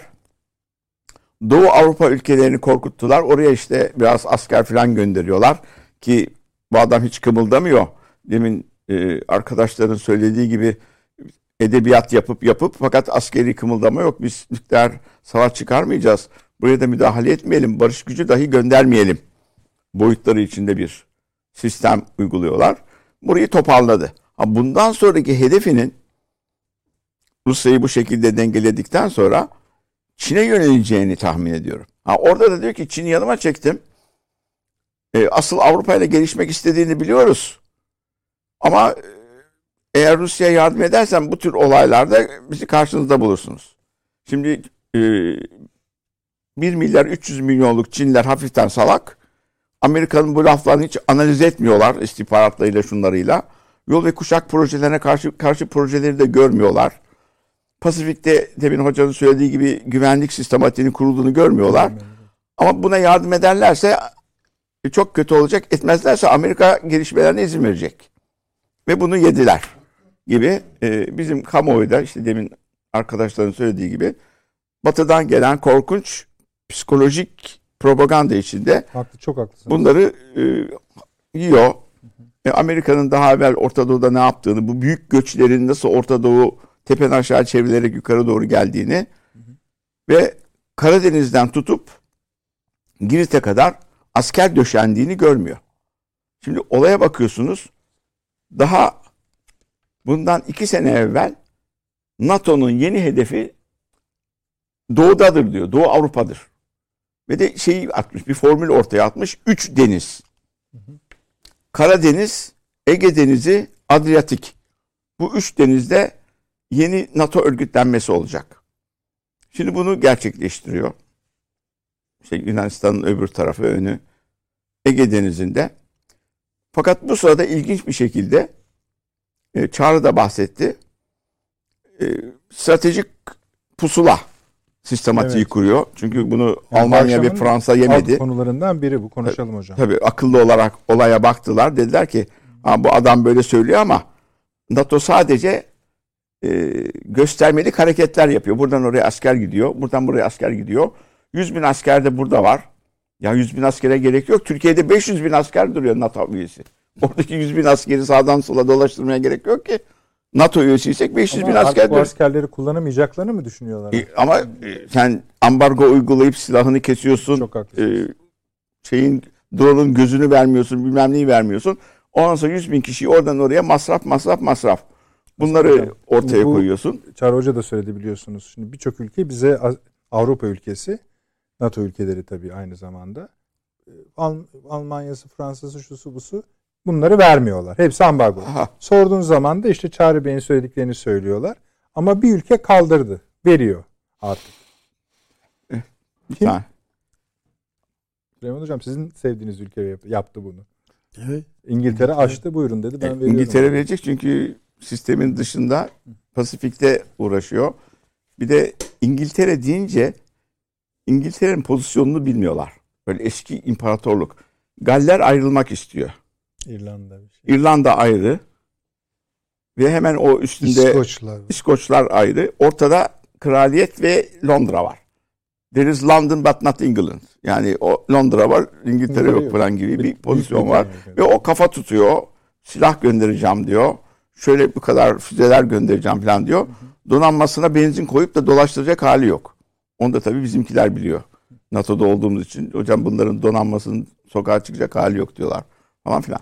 Şimdi bu yapı içinde Biden kendi yapısını oluşturdu. Avrupa'yı yanına çekti. Şimdi ara seçimlerde e, hocamla o konuda aynı fikrim. Seçimi kaybedecek. Hı. Bir tek oyla senatoda farklı durumda. Şimdi senato reklamları var. E, seninle beraber görmüştük. Putin'le Trump'ı bir araya koymuşlar. Bu tarafta da Biden. Diyor ki kime oy vereceksiniz? Buna mı oy vereceksiniz? Yani Rus'la birlikte duran Trump'a mı oy vereceksiniz? Ki asıl milli takım Trump. Yoksa bana mı oy vereceksiniz? Böyle bir ayrım konusunda neyi kullandığını da ortaya koymuş bulunuyor. Fakat sorunlara bakıyorsunuz. Korkunç bir göç. Şimdi bu olayın kısa süreceğini bütün Avrupa tahmin ediyordu. Ukrayna'yı ka- kastediyorum. Tabii yani bir ay sürer. Bunlar da geri döner. O zaman bunlar e, Hristiyandır, bizdendir. E, Avrupalı hoş geldiniz. Şimdi 2-3 ay geçmeye başlayınca başlayacak fıkırdamaya 4 milyon oraya gelmiş. Moldova yardım istemiş. Demiş ki ben bunu kaldıramıyorum. Moldova zaten yani Galiba. gariban bir ülke yani. Gürcistan yardım istemiş kaldıramıyorum. Bir de tehdit altında bir ülke. E, Dünya Gıda Örgütü demiş ki 3-4 milyar dolar bana destek vermezseniz Avrupa içinde büyük açlık olabilir. Avrupa Parlamentosu demiş ki bu olaylar karşısında çok sık toplanıp bir takım gezilerin yapılması lazım. E, Bütçenin 150 milyon dolar arttırılması lazım. NATO savunma harcamaları artıyor. Almanya 100 milyar oraya dolara yatıracak. E, Avrupa'nın parası yok bu kadar. Yani mal satacak yerlerde de savaş var. Almanya'dan telefon ediyorlar. Un ve yağ kalmadı. Burada bir takım zorluklar çekiyoruz. Petrol bulması için İran'a yanaşıyor, Venezuela'ya yanaşıyor. İsrail lobisi ayakta. İran'la sakın yaklaşıp da bir takım anlaşmalar yapmayın diye. Ve diyorlar ki Rusya ekonomik olarak çökmek durumunda. Çünkü Çin buna yardım etmeyecek. E Çin bizim yaptığımız birkaç tane belgeden gördüğümüz bu analizlerin on mislini görüyor. O yüzden her türlü yardımı yapıyor. Ve burada da Çin'e söyledim. Çin de korkusundan titriyor. Ben böyle bir takım imajlar veriyor. Boş boş. Evet. Ha, Allah'tan bu NATO toplantısında ha, Türkiye e, NATO'daki yaptırımları e, Birleşmiş Milletler'de karar almış savaşı durdurun diye ama genel kurulu onlar tavsiye niteliğindedir.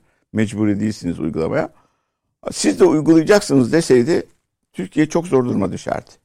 Hani bir yandan kendilerinin S-400 yapısında yaptığı ambargolar, bir yandan e, Amerika'nın NATO ile birlikte zaten NATO Amerika demek yaptığı ambargolar ama çok dostumuz e, omuza el atmalar, sırt yapmalar, ziyaret edip el sıkmalar. E Türkiye'de bunları yemiyor. Yani bu şekilde bu olay Öyle gitmez. bir- yani şimdi buradan yap, bize bir yaptırım teklifi gelmeyecekmiş gibi gözüküyor. Siz de bunlara katılın da mesela NATO NATO'nun bir yaptırımı yok şu anda değil mi? Yok. Hayır hayır. Yok. NATO ama Diyelim ki Amerika'nın yaptırımları var. Şimdi şöyle. Amerika'nın aldığı yaptırımları Amerika size bir yaptırım yaparsa korkarsınız. Ama Güvenlik Konseyi bir yaptırım alırsa o kesindir. Uluslararası hukuka uygundur. Tamam. Öbürü kendi çıkarları için yaptığı yatırımlar. Peki şöyle desek NATO olsun BMGK olsun. Biz çok katıldık bu dünyayı kurtarma işlerine. Biraz dinlenemek istiyoruz desek ne olur? diyebiliriz. Yani hakkımız var en Tabii. azından. E, Gerekli şeyleri yaptı. Boğazları kapattı. Montreux'u incelikle uyguluyoruz. dedi. Uyguluyoruz. Mülteciler geldiği kadar geldi. E, destek veriliyor. E, peşinden bir NATO ülkesi olarak bu hattı koruyan bir ülke boyutundayız. Ama e, Avrupa'daki bu pusula toplantısında tehditler var. Böyle sıralamışlar. Rusya tehdidi şuradan oluyor. Polonya'ya şuradan tehdit geliyor. Doğu Akdeniz'de de tehdit Türkiye. E, NATO oradaki bu kararı alan Avrupa ülkeleri aynı zamanda NATO ülkeleri. Eyvallah. Hem Türkiye'ye el sıkışacaksınız hem de Doğu Akdeniz'de tehdit Türkiye olacak. E o zaman bir karar verin kardeşim. Hangi boyutta bu sistemler yürüyor? Nerede duruyoruz? Bu, bu ekonomik durumda şöyle yaptırım şöyle kabul edebiliriz. Ha, Türkiye'ye 75 milyar dolar hibe ediyoruz. Yaptırımlara devam edelim. Ha, o zaman hep beraber otururuz. Ne olacak? Nasıl dağıtılacak falan filan. Ama e, yani Biden seçimleri kazanacak diye bu kadar büyük fedakarlık. Hadi Avrupa halkı korktu ama e, tahmin etmiyorum. Yani Türkiye içinde Rusya'dan korkan biri varsa. Ben de tahmin etmiyorum çünkü orduda hiçbir hareketlilik görüyor Şunları musunuz? unutuyoruz değil mi? Münih ne kaçtaydı? Münih konferansında Putin'in yaptığı 2008. 2008. 2008'de ne demişti? Dünya tek kutuplu olmayacak demişti. Ee, Türkiye'nin reaksiyonunu hatırlıyor musunuz o konuşmaya? Genelkurmay Başkanı Evet dedi. koymuştu. Evet. Yani onun için sizin sorunuzun cevabı biraz orada bence. Hani Türkiye'de kimse bir Rusya'dan korkuyor mu? Cevap biraz o yani. Ya, hayır, harekat da yok yani. Çünkü Tabii yok yok. belli şeyleri almış Haklısınız. durumda. Hı hı. Böyle bir orada da giriş cephaneleri biriktirelim şurada bilmem ne gıda stokları falan. Türkiye durumundan emin tavrını ortaya koymuş bulunuyor. Sen ondan sonra İran'a gidiyorsun petrol almaya ve İran da onu kabul ediyor. 30 senedir yaptığın ambargodan sonra. Venezuela'yı rezil ettiniz. Peşinden Venezuela'ya gidiyor. E, bu olay bittikten 3 ay sonra gene tavrı değişecek. Çünkü Monroe doktrini var. Ne diyor? Ben diyor kendi kıtamda ki Latin Amerika'da dahil ediyor. e, Başka diyor sosyalist devlet istemem. Ama Rusya yanındaki ülkeye silah konmasını istemediği zaman olacak gibi değil. Biz onu Avrupa'ya alacağız. E Avrupa'ya alsaydınız onu da söylemiyorlar. Niye almadılar Avrupa'ya şeyi? Gör- Görüşmeleri yapılıyordu. Çünkü borcunu ödemeyi kabul etmediği için adam döndü Rusya'ya. Borcunu ödeyemem dedi. 20-30 milyar dolar borcu vardı. Enerji borcu vardı. Ha, onlar da üstü kapatılıyor. Peki birisi dese ki siz Minsk raporlarına uyun. Ya şey anlaşmasına Tabii, uyun. tabii. İki tane. İki tane var. E, onlara da uymuyorlar. Donbas'ta savaş devam ediyordu şimdiye kadar. O, Katliam oluyordu. tabii Batı basınından yansıt, yansıttığı kadarı gördüğü için e, kısır çatışmalar, Tabii, görüşmeler tabii, çok. televizyonlarda. Şimdi bir şey tartışıyorlar. Nükleer silahlar olduğu zaman ne olacak? Ya nükleer silahları biz 1960'ta tartışıyorduk. Evet. Ve Küba yüzünden Türkiye hedef olmuştu. Avni abi hatırlar Kuruşev ne dedi? Eğer Küba'dan bu silahları çekmezseniz o dikdörtgene benzeyen ülkeye, Türkiye düzlerim dedi ya. Bizim de haberimiz yok pazarlıktan. Evet. Biz de çekmeyelim aman prestijimiz kayboluyor diyorduk. Yani o tehdide o zaman uğradık. Ha şimdi televizyonlarda bakın nükleer füze şuradan geri söylüyor. Bu kadar. Ya öyle olursa zaten bu dünya biter. Tartışma da biter. Böylece Herkes rahatlar. Siz programa çıkmaktan kurtuluruz. Çok yaşayın. Ee, bir resim verelim arkadaşlar. Aile fotoğrafını görelim mi? Hazırsa sonra da şimdi sorumuz şu. Avni Bey, Süleyman Hocam, Evet. kıymetli hocam. Şansölye nerede? Alman şansölye. Hı hı. Bence gözleriniz yormuyor. Seyircilerimiz şu anda daha net En görüyorlar. arkada galiba. Şansölye yok. Yok görmedim. Peki efendim. Reklamlardan sonra devam edelim. Şansölyenin nerede olduğunu bulmaya gayret edeceğiz efendim. Kısa bir ara hemen geliyoruz. Evet efendim. Aynı Al. fotoğrafla birlikte yayına döndük. Ee, Süleyman Hocam ne diyorsunuz bu şansölye meselesine? Ee, yani bir kere bilmiyorum tabii. Yani Ha, fotoğrafta şimdi şöyle yok onu söyleyeyim. Yani Tabii ki bunu arka fark planını edilmemesi tabii. mümkün değil. Hatta ben de e, sosyal medyada da paylaştım. Nerede diye. Orada izleyicilerimiz takip edenler falan bir kısmı resmi açıklama üzerinden. Hani geç kaldı falan. Şimdi bir kere onu söyleyelim. Öyle bu işlerde öyle geç kalma falan yok. Yani çok özel bir şey olması lazım. Hastalanma falan öyle bir şey yok. Geç kalınmaz. Almanya şansölyesi geç kalmış olabilir mi aile fotoğrafına yani? Almanlar kestiniz. Bir tanesi en güzel espriyi yapmış biz izleyenlerden. E birinin fotoğrafı çekmesi lazımdı diye. Ha, belki de Ama öyledir. bu tabii manidar. Yani denir ki yani benim duyum siz ba- başka bir şey e, duymuşsanız memnuniyetle dinleriz. Akşamleyin biraz şansölyeyi Almanya'yı sıkıştırmışlar enerji konusunda. Ha, ama çok pahalı. Adam istemiyorlar yani Fransızlar da istemiyor esasında Almanlar da istemiyor. Şimdi estağfurullah. Niye Putin'in beklediğini anlayabiliyoruz herhalde. Evet. Hı hı. Putin zamana oynuyor. bakınız bu geçen programımızda da konuşmuştuk. Yani öyle bir profil çiziliyor ki şu an Putin için. Aklını kaybetmiş. Deli falan. Deli. Yazıyor böyle yazıyorlar. İdi Amin falan kılıklı falan bir adam böyle çılgın sağa sola saldırıyor. Hesapsız bir şey politikası uyguluyor. Evet. Ya bir de yani akıl yoksunu hocam. Yani bu adam hesabı şaştı. İflas etti. Ordu batağa saplandı falan. Hala hala devam ediyor onlar canım. Bir kere oraya ikinci el teknolojisini sürdü. Birinci el teknolojisi yani en yeni teknolojisini herhalde bunu çılgın bir adam yapmaz. Onu saklıyor. İkincisi zamana oynuyor. Çünkü biliyor ki o turbo beklenti Amerika'dan gelen ya bunlar işte 2-3 güne kadar ya yenilecekler kaçacaklar bataklıkta yok olacaklar veya girip iyice ezecekler orayı dünyanın kamuoyunun gözünde kredileri yerin dibine girecek. Bundan sonra istediğimizi yaparız. Hayır öyle bir şey yok. Putin tam tersine çok aşama aşama, çok dikkatli ve çok üzerinde düşünülmüş bir planı yürütüyor. Ha yol kazaları olur. Yani bir birliği bir yerden bir yere götürürken de iki tank bozulabilir canım. Onun fotoğrafını çekip ordu batağa saplandı denmez herhalde. Şimdi tabii bunu niye istiyor? Bir, Avrupa'nın oyunu görmesini istiyor. Yani Avrupalılar bu Biden'ın köpürtücü söylemiyle biraz da itile kakıla bu işin içine sokuldular. Bravo. Ama Almanya için bu artık bir beka meselesi haline geliyor. Bakın bu çok tehlikeli. İsveç, Finlandiya bu topa girmeyeceğiz dedi. Çok iyi oldu. Avusturya evet yaptırımlara katılıyor ama Avusturya'da da sıkıntı var. Ve bakıyorsunuz işte Hırvatistan'dan açıklamalar geliyor.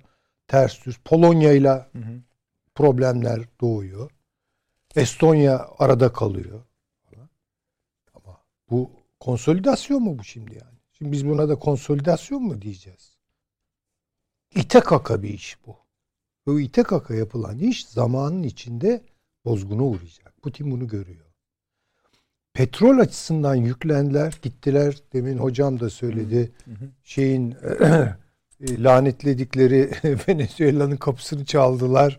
İran'dan ricacı oluyorlar falan filan. Fakat olmuyor bu iş. En başta Suudi Arabistan petrol e, siyasetlerini tamamen Rusya ile beraber götürüyor. Öyle öyle. Üretim hacmini arttırmıyorlar. Yani Batı konsolidasyonunda konsantre olduğumuz için dünyanın gerisinin Bravo. kimin nasıl kuşattığını Tabii tabii. konuşmuyoruz. Halbuki kuşatma tersine oluyor. Ha yaşayın hocam. Yani Öyle şimdi anlatın. Çin ben diyor Çin'i diyor e, hizaya getirdim sanki. Ya Çin de böyle e, ödü koptu e, bu tehditler karşısında el pençe divan tamam efendim anlaşılmıştır diyen 5. sınıf memur davranışıyla gitti. Öyle mi? Yok hayır. Öyle bir şey yok. Çin'den gelen açıklamalar tabii çok dikkatli. Bodoslama girmiyorlar. Ama zaten e, tarihin olan akışına, olağan akışına uygun olarak bu ekonomik ilişkileri devam ettirecekler. Çin'le Hindistan görüşüyor. Çünkü o tuzağa gelmek istemiyorlar. İstemiyor. Çünkü tamam AUKUS orada kurdular. Yani orada sert çekirdek Anglo-Amerikan ittifak. Değil mi? Evet. Kanada, Tabii. Avustralya, Yeni Zelanda, İngiltere. İyi, Tamam. tamam. Sonra kuart dörtlü. Hindistan var. Su kaçırıyor. Değil mi? Yani bu da çok önemli bir şey ama. Çünkü Hindistan da ısrarla Rusya'dan yeni alımlar yapıyor. Petrol e, talebini arttırıyor, silah alıyor ve adeta yani NATO'nun gözünün içine soka soka bütün bunları yapıyor. İran tam manasıyla bir şark kurnazlığı tamam veririm diyor ama biz bilmiyor muyuz? Rusya yukarıdan ona vermeyeceksin dediği zaman Otur. vermeyeceğini Çin dedesi oturur. e, biter tabii iş. Pakistan çığlık çığlığa yani gitti Moskova'ya işte tam savaştan önce. Birleşik Arap Emirlikleri gitti. Ee, Tamam. Şey Suriye'ye gitti. Onlar gittiler. Pakistan, şey, hmm, Pakistan gitti. Yani Canon sağ olsa herhalde tersine kuşatma diye bir başlık atardı buna. Evet. Yani çünkü Asya'dan sıyrıldı. Asya'da yok. Evet. E Orta Doğu'ya bakıyorsunuz işte o petrol ülkeleri, Birleşik Arap Emirlikleri ve Suudi Arabistan tamamen farklı yerden telden çalıyorlar. Ve orada Rus paraları var. Bunu da söyledik yani laf aramızda. Var var tabii. Çok büyük Rus paraları var orada.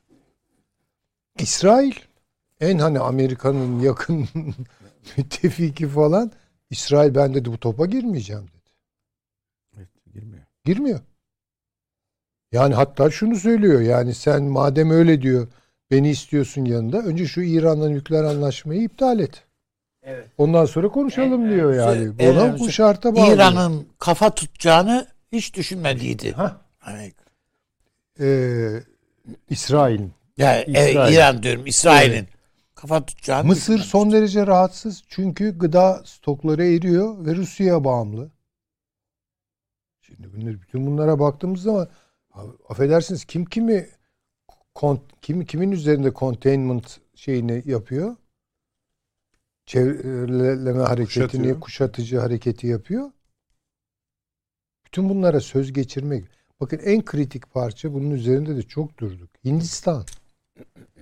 Hindistan'ı koparabilirlerse oradan. Hindistan'la Çin arasındaki gerilimleri büyütebilirlerse.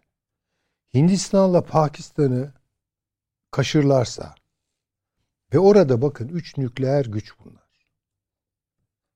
Yani eğer bir nükleer savaş çıkacaksa senaryo kafalarındaki senaryo işte NATO ile bilmem Rusya'nın buralarda böyle veya kıtalar arası füzeler atmaları hayır değil. Bunların önce nükleer stoklarını birbirlerine karşı kullanmalarını isteyeceklerdir. Bu da cidden bir işte 3. Dünya Savaşı'dır. Cidden 3. Dünya Savaşı'dır. Yani bir savaşın dünya savaşı olması için illa Avrupa, Asya e, hattında çıkması gerekmiyor ki. Yani orada çıkar bu sefer. Yani İkinci Dünya Savaşı'nda Brezilya Savaşı duydu mu hissetti mi yani? Yoktu değil mi yani? Ve Arjantin, Şili. Burada çıkıyordu. Birincisi burada çıktı. Avrasya'da. İkincisi gene burada çıktı. Üçüncüsü burada çıkmayabilir. Gayet de normaldir bu. Onun için hani bundan sonra Hindistan-Çin ilişkileri çok belirleyici olacak. Ve bu iki gücün Rusya ile yapacağı ilişkiler çok belirleyici olacak. Pakistan çok kritik. Ve geçen haftada konuştuk. Boşuna İmran Han'ı da devirmek İşte başladı tabii işte kampanya yani. 24-25'inde orada Tabii. güve- meclisinde güven oylaması var Süleyman. Allah muhafaza suikastler Tabii, olabilir. tabii, yani. Her şey olur. Bu, Artık. bu- Yani dünya o bakalım. dünya yani. Çünkü Asya'da kaybettiler. Yani düşünün hani başta da söyledik. Ee, Çin Hindistan Dışişleri Bakanları Yeni Delhi'de buluşacak. Bunu Hindistan resmi kaynakları bile o kadar hani bu garip bir şey ki hani duyuramıyorlar. Ancak oranın basını bende de var gazetelere de yansımış. Ee, bir hükümet üst düzey yetkilisi basına söylüyor. Çinliler rahat söylüyorlar ama bu o kadar garip bir şey esasında dünyadan ilk baktığınızda. Sizin dediğiniz kadar da çözücü bir şey, çözücü bir şey aslında. Evet. Bu kadar aralarını Bir şey daha söyleyip bitirebilir miyim? Buyurun. Çok Tabii, tabii, uzatmış estağfurullah, olmak buyurun. istemiyorum. Ben daha çok burada hocamı dinlemek istiyorum. Çünkü Ha, Tabii. o bizim mesleğimizin duayeni. Estağfurullah Ee, efendim. o varken bizim konuşmamız bile Yok, biraz yok. tuhaf kaçıyor. Herkes kıymetli. Estağfurullah sağ olun hocam. Şimdi şöyle bir şey var. Bu fotoğrafta tesadüf Sayın Erdoğan uçta yer alıyor. Tabii tabii. Bir daha verelim arkadaşlar Yani. onu. Bakınız. Ama sıralaması şey, tam verelim arkadaşlar. Sıralamayı Orada- bilemiyorum. Ha, ama Çünkü ABD, İngiltere, Türkiye diye duruyor. ABD, İngiltere ama dışarıya doğru duruyor. E, Bitiyor çünkü zaten yani. Yani kenar Hı hı. tesadüf olabilir tabii hiç. Tabii, tabii. e, hani Ama onların simgesel sıra şeyleri var galiba. Alfabetik. US, UK, Ha, Turkey. Turkey. Tamam, E- tamam. U- U- U- T. Tamam. tamam olsun uçtayız. Olsun. Şekil önemlidir. Şimdi Türkiye şu an resmen NATO'nun üyesi. Hı hı. Aman bunu koruyalım. Bunu NATO'nun bize zarar vermemesi için koruyalım. Yani NATO'ya karşı NATO, NATO. Evet evet. NATO'ya karşı NATO. Yoksa NATO'dan bir hayır beklediğimiz için değil. Tamamen aynı fikirdeyim. Çünkü hattı çektiler zaten. Türkiye'yi dışarıda bırakıyorlar. Tamam işte hocam şey söyledi ya demin.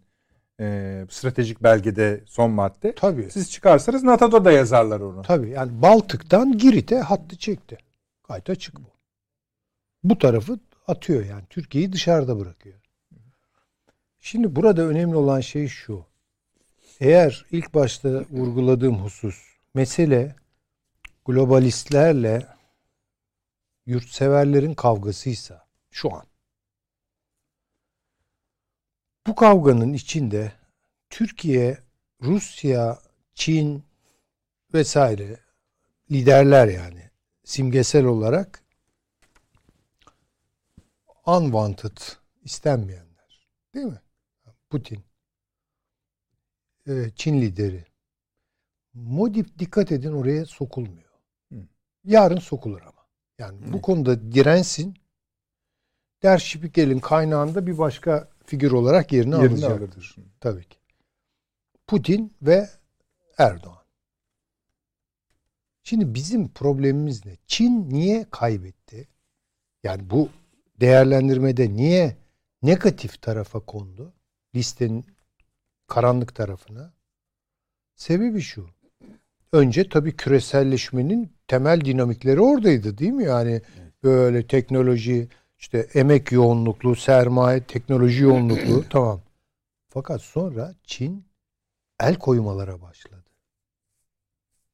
Yani Çin sermayesini Çinli kılmak için bir neo merkantilizme geçti. İşte bu çıldırtıcı oluyor. Yani milli ekonomisine, bunu milli ekonomisine dönüştürmek istiyor. İşte orada problem çıkarıyorlar. Rusya başından beri bunu yaptı. Yani Putin dönemi demek bu demek zaten. Nerede engelleniyorsa küresel piyasalardan onun yerli muadilini yaptı ve en iyi şekilde yaptı.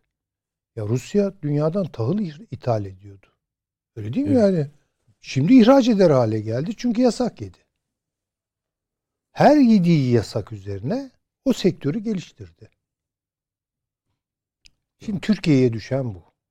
Bizdeki problemi de o ara söyleyivereyim. Bizdeki problem siyaseten duruşumuz var. Dış politikada duruşumuz var. Ekonomik olarak yok ama. Dikkat edelim. Bir an evvel bir milli master ekonomik programı ilan etmek zorunda Türkiye. Tarımda, diğer sektörlerde hani e, Avni Özgürel Üstadımızın siyaset geliştirme dediği şey var ya. Bunu yapmak zorundayız.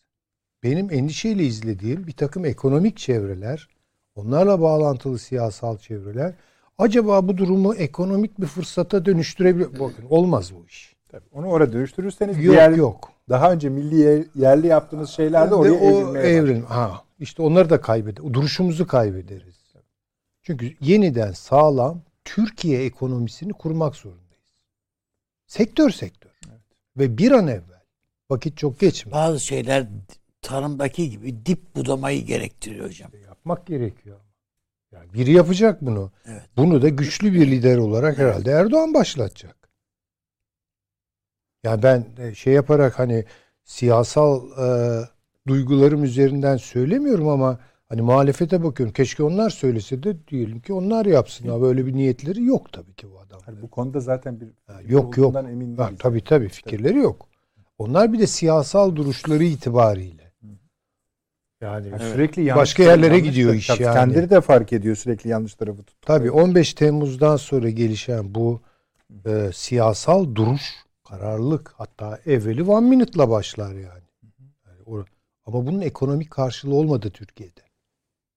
Ekonomik bir şeye dönüşmedi bu. Onu bir an evvel yapmak gerekiyor. Belki şuna da tabii ekleyeyim. Yani küresel pencereden söylüyorum. Şurada da ilginç. Amerika Birleşik Devletleri de bu kriz vesilesiyle yaptığı ekonomik uygulamalarda Amerika'nın hür ekonomi, liberalizm görüşlerinin tamamen parçalayıp atmış durumda. Kendi büyük şirketlerini durdurmak, tabii, tabii, başka tabii, ülkelerden tabii, çıkarmak, tabii. ambargolamak, çıkacaksınız tabii, oradan tabii, demek tabii. uzun uzun yani iyice işler karışmış durumda. Bence bu da işte yeni dünya düzeni eşiğinin alametlerinden. İşte o yeni dünya düzeninin ne olacağına dair şüphelerim Alametler var. Alametler başka hocam. 2050'de e, bu işleri düşünsünler. Yani o nesiller. Yani bizi aşacak o.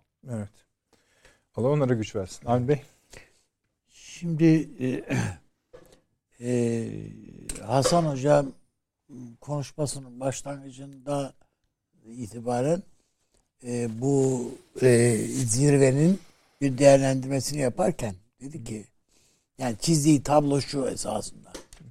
Amerika iş yani bu oturma oturumlar ilk toplantılar falan başlarken veya öncesinde bir bakıma amacına ulaştı yani. İşte neydi? Yani Avrupa'yı korkuttu işte. Ama Ruslar geliyor kardeşim. Siz hani bu işi hafife aldınız. İşte ya bu NATO bilmem ne cehennem dibine işte biz ayrı bir Avrupa ordusu kuralım şu bu numaralarını filan filan biz bunları da şimdi gördük ki ah kur da göreyim be arkadaş dedi. Yani yok bitti o iş. Onu kur şey yaptı.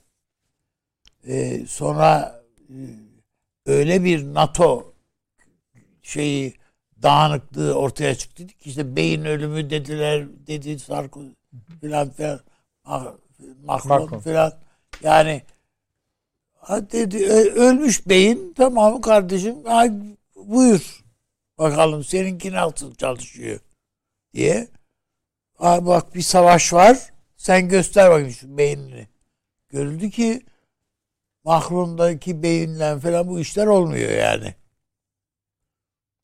Bütün çark yine Amerika üstünden kuruluyor. Bu Amerika açısından çok derece büyük bir başarı.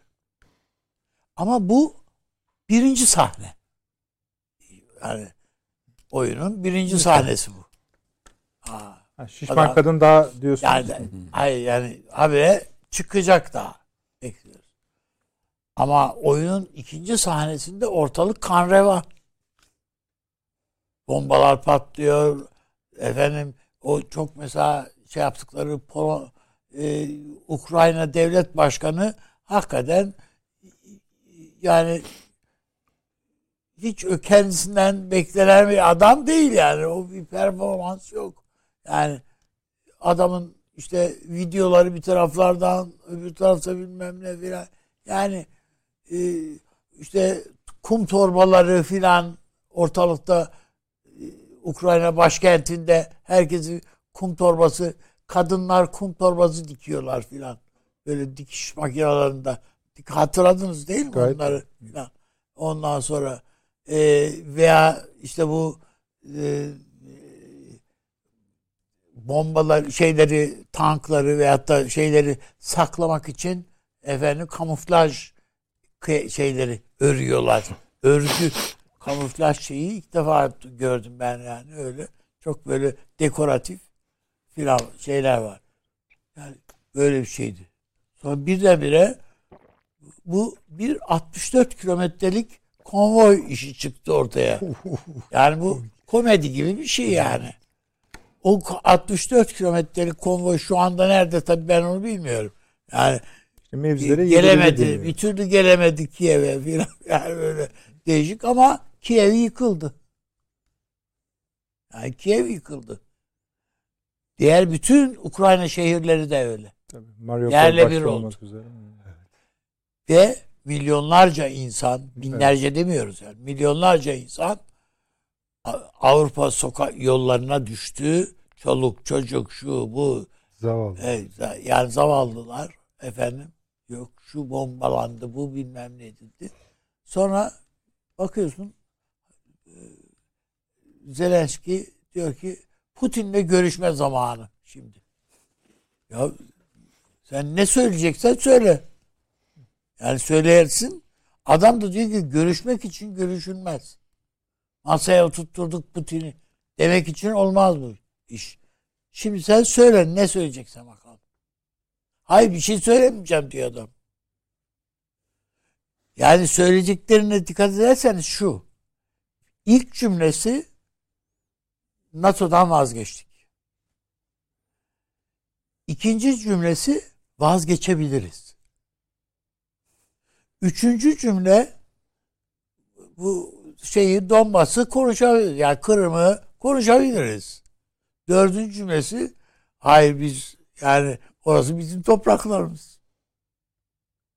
Hayır, böyle böyle bir müzakere zemini olabilir mi yani? Böyle bir şey olamaz. Ya ama görüşelim.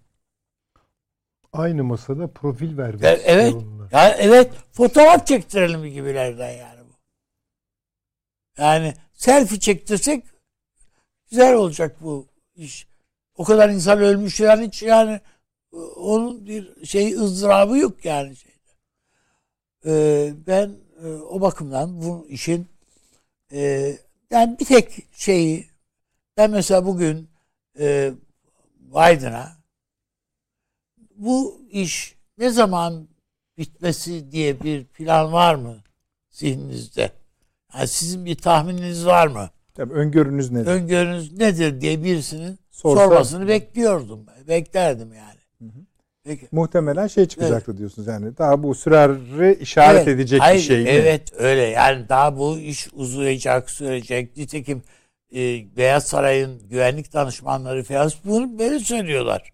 Sü- Sürer bu diye söylüyorlar. Yok efendim nükleer silah kullanacak falan. Ya sen boş ver yani ne kadar şey var. Yani e, aptal mı yani bu Putin'de yani.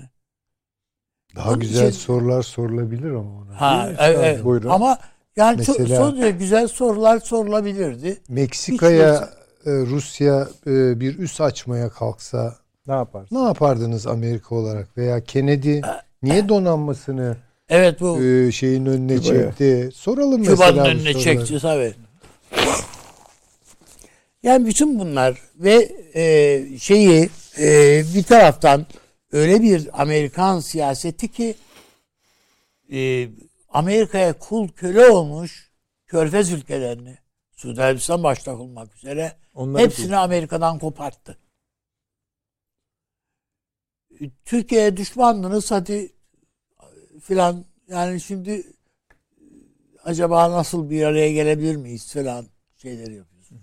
İsrail gibi en büyük geleneksel müttefikinizden fırça yiyorsunuz yani. İsrail neredeyse yani şey yapıyor. Bu nasıl bir siyasettir? Yani o arada tabii Çin diyorsunuz. Ee, Çin'e de bugün epey fırça attı yani o basın Tabii, tabii. toplantısı. Na- Ha? şey de öyle. Açıkçası. NATO Genel Sekreteri de öyle. Evet yani o tabii canım bozacının Tabii, şahidi tabii, şuracı. tabii. Yani. O zaten Ne bugün biliyorsunuz yani? Görevini uzattılar onun. Daha da şevkli konuştu. O tabii tabii tabii görev abi. yeni bittiydi görev süresi hat diye. Ya bu NATO zirveleri falan zaten şey yani işin e, yani seremonisi bunun. İşte az önce burada konuştuk bu belgenin Akdeniz'de Türkiye'den tehlike geliyoru değil mi? Bu esasında bizim NATO'daki daimi temsilcimiz okuduğu anda kardeşim ben masadan kalkıyorum. Bu demesi icap etmez Etmez miydi mi? yani? Ya. Ba- Bana göre öyle yani. Veyahut da kim getirdi bunu falan diye. Yani orada bunların konuşu söylenmesi kardeşim biz eğer tehlike bilsek ne geldiniz bu ne biz ne çağırıyorsunuz buraya? Birisinin bunu demesi gel gelmez. NATO değil de mi? Avrupa Birliği Ya toplantısı. işte söylemek istediğim bu. Bizi tehlike görüyoruz abi. Yani. Tabii canım o, Niye o geliyor? belli. Ya onun için e, yani daha bir hafta önce Yunanistan Türkiye ile ittifak bilmem neler için falan Ankara'ya gelmiş. Şunu yapmış, bunu Ya, yapmış. evet. Yani tam bir şey oyunbazlık bu işler falan. Ben e, bakıldığında o, o açıdan e, tabii Türkiye'nin fevkalade hocam söyledi yani bu NATO'yu NATO'dan tırstığımız için NATO'da kalmaya devam etmeliyiz. Tabii ki. O- Buna, NATO'ya karşı hiçbir- NATO. Evet. NATO'ya Yani hiç bundan yana bir- NATO'ya karşı NATO Kramer, cüzdanı. Kramer'e karşı. evet, yani NATO'ya bağlıyız yani Evet biz. peki. O manada diye düşünüyorum. Peki abi. Hasan hocam e, şey şimdi bu Almanya'yı konuştuk ama mesela e, Salı günü e, Avrupa Birliği Dışişleri bak şimdi bu liderler zirvesiydi. Avrupa Birliği Dışişleri Bakanları bir araya gelip bu enerji konusunu yani Rusya'dan Amerika dedi ya şey almayacaksınız. Doğal gaz petrol almayacaksınız. Avrupa Birliği Dışişleri Bakanlarının kritik oyuncuları mesela Almanya, Hollanda gibi ülkeler Hollanda Başbakanı da Evet. buradaydı biliyorsunuz. Bizimle birlikte gitti NATO zirvesine. Kusura bakmayın dediler. Biz alacağız dediler. Yani bakın hani bir dünyayı konuşuyoruz, oradaki havayı ama içeride de e, muhalifler var. Şimdi Almak zorundayız. tabii ülkelerin e, çıkarları var. Yani niçin biz NATO'ya girdik? Çünkü e, Amerikan filmlerini seyredince hayran olduğu şey Cumhuriyet ve NATO'ya Hayır. Çıkarımız vardı. Bizi o zaman yayılmak isteyen, sistemine karşı koruyacak askeri yapı oydu. İşte tank, top, bilmem ne gemiler, ordunun modernleşmesi, şudur budur falan.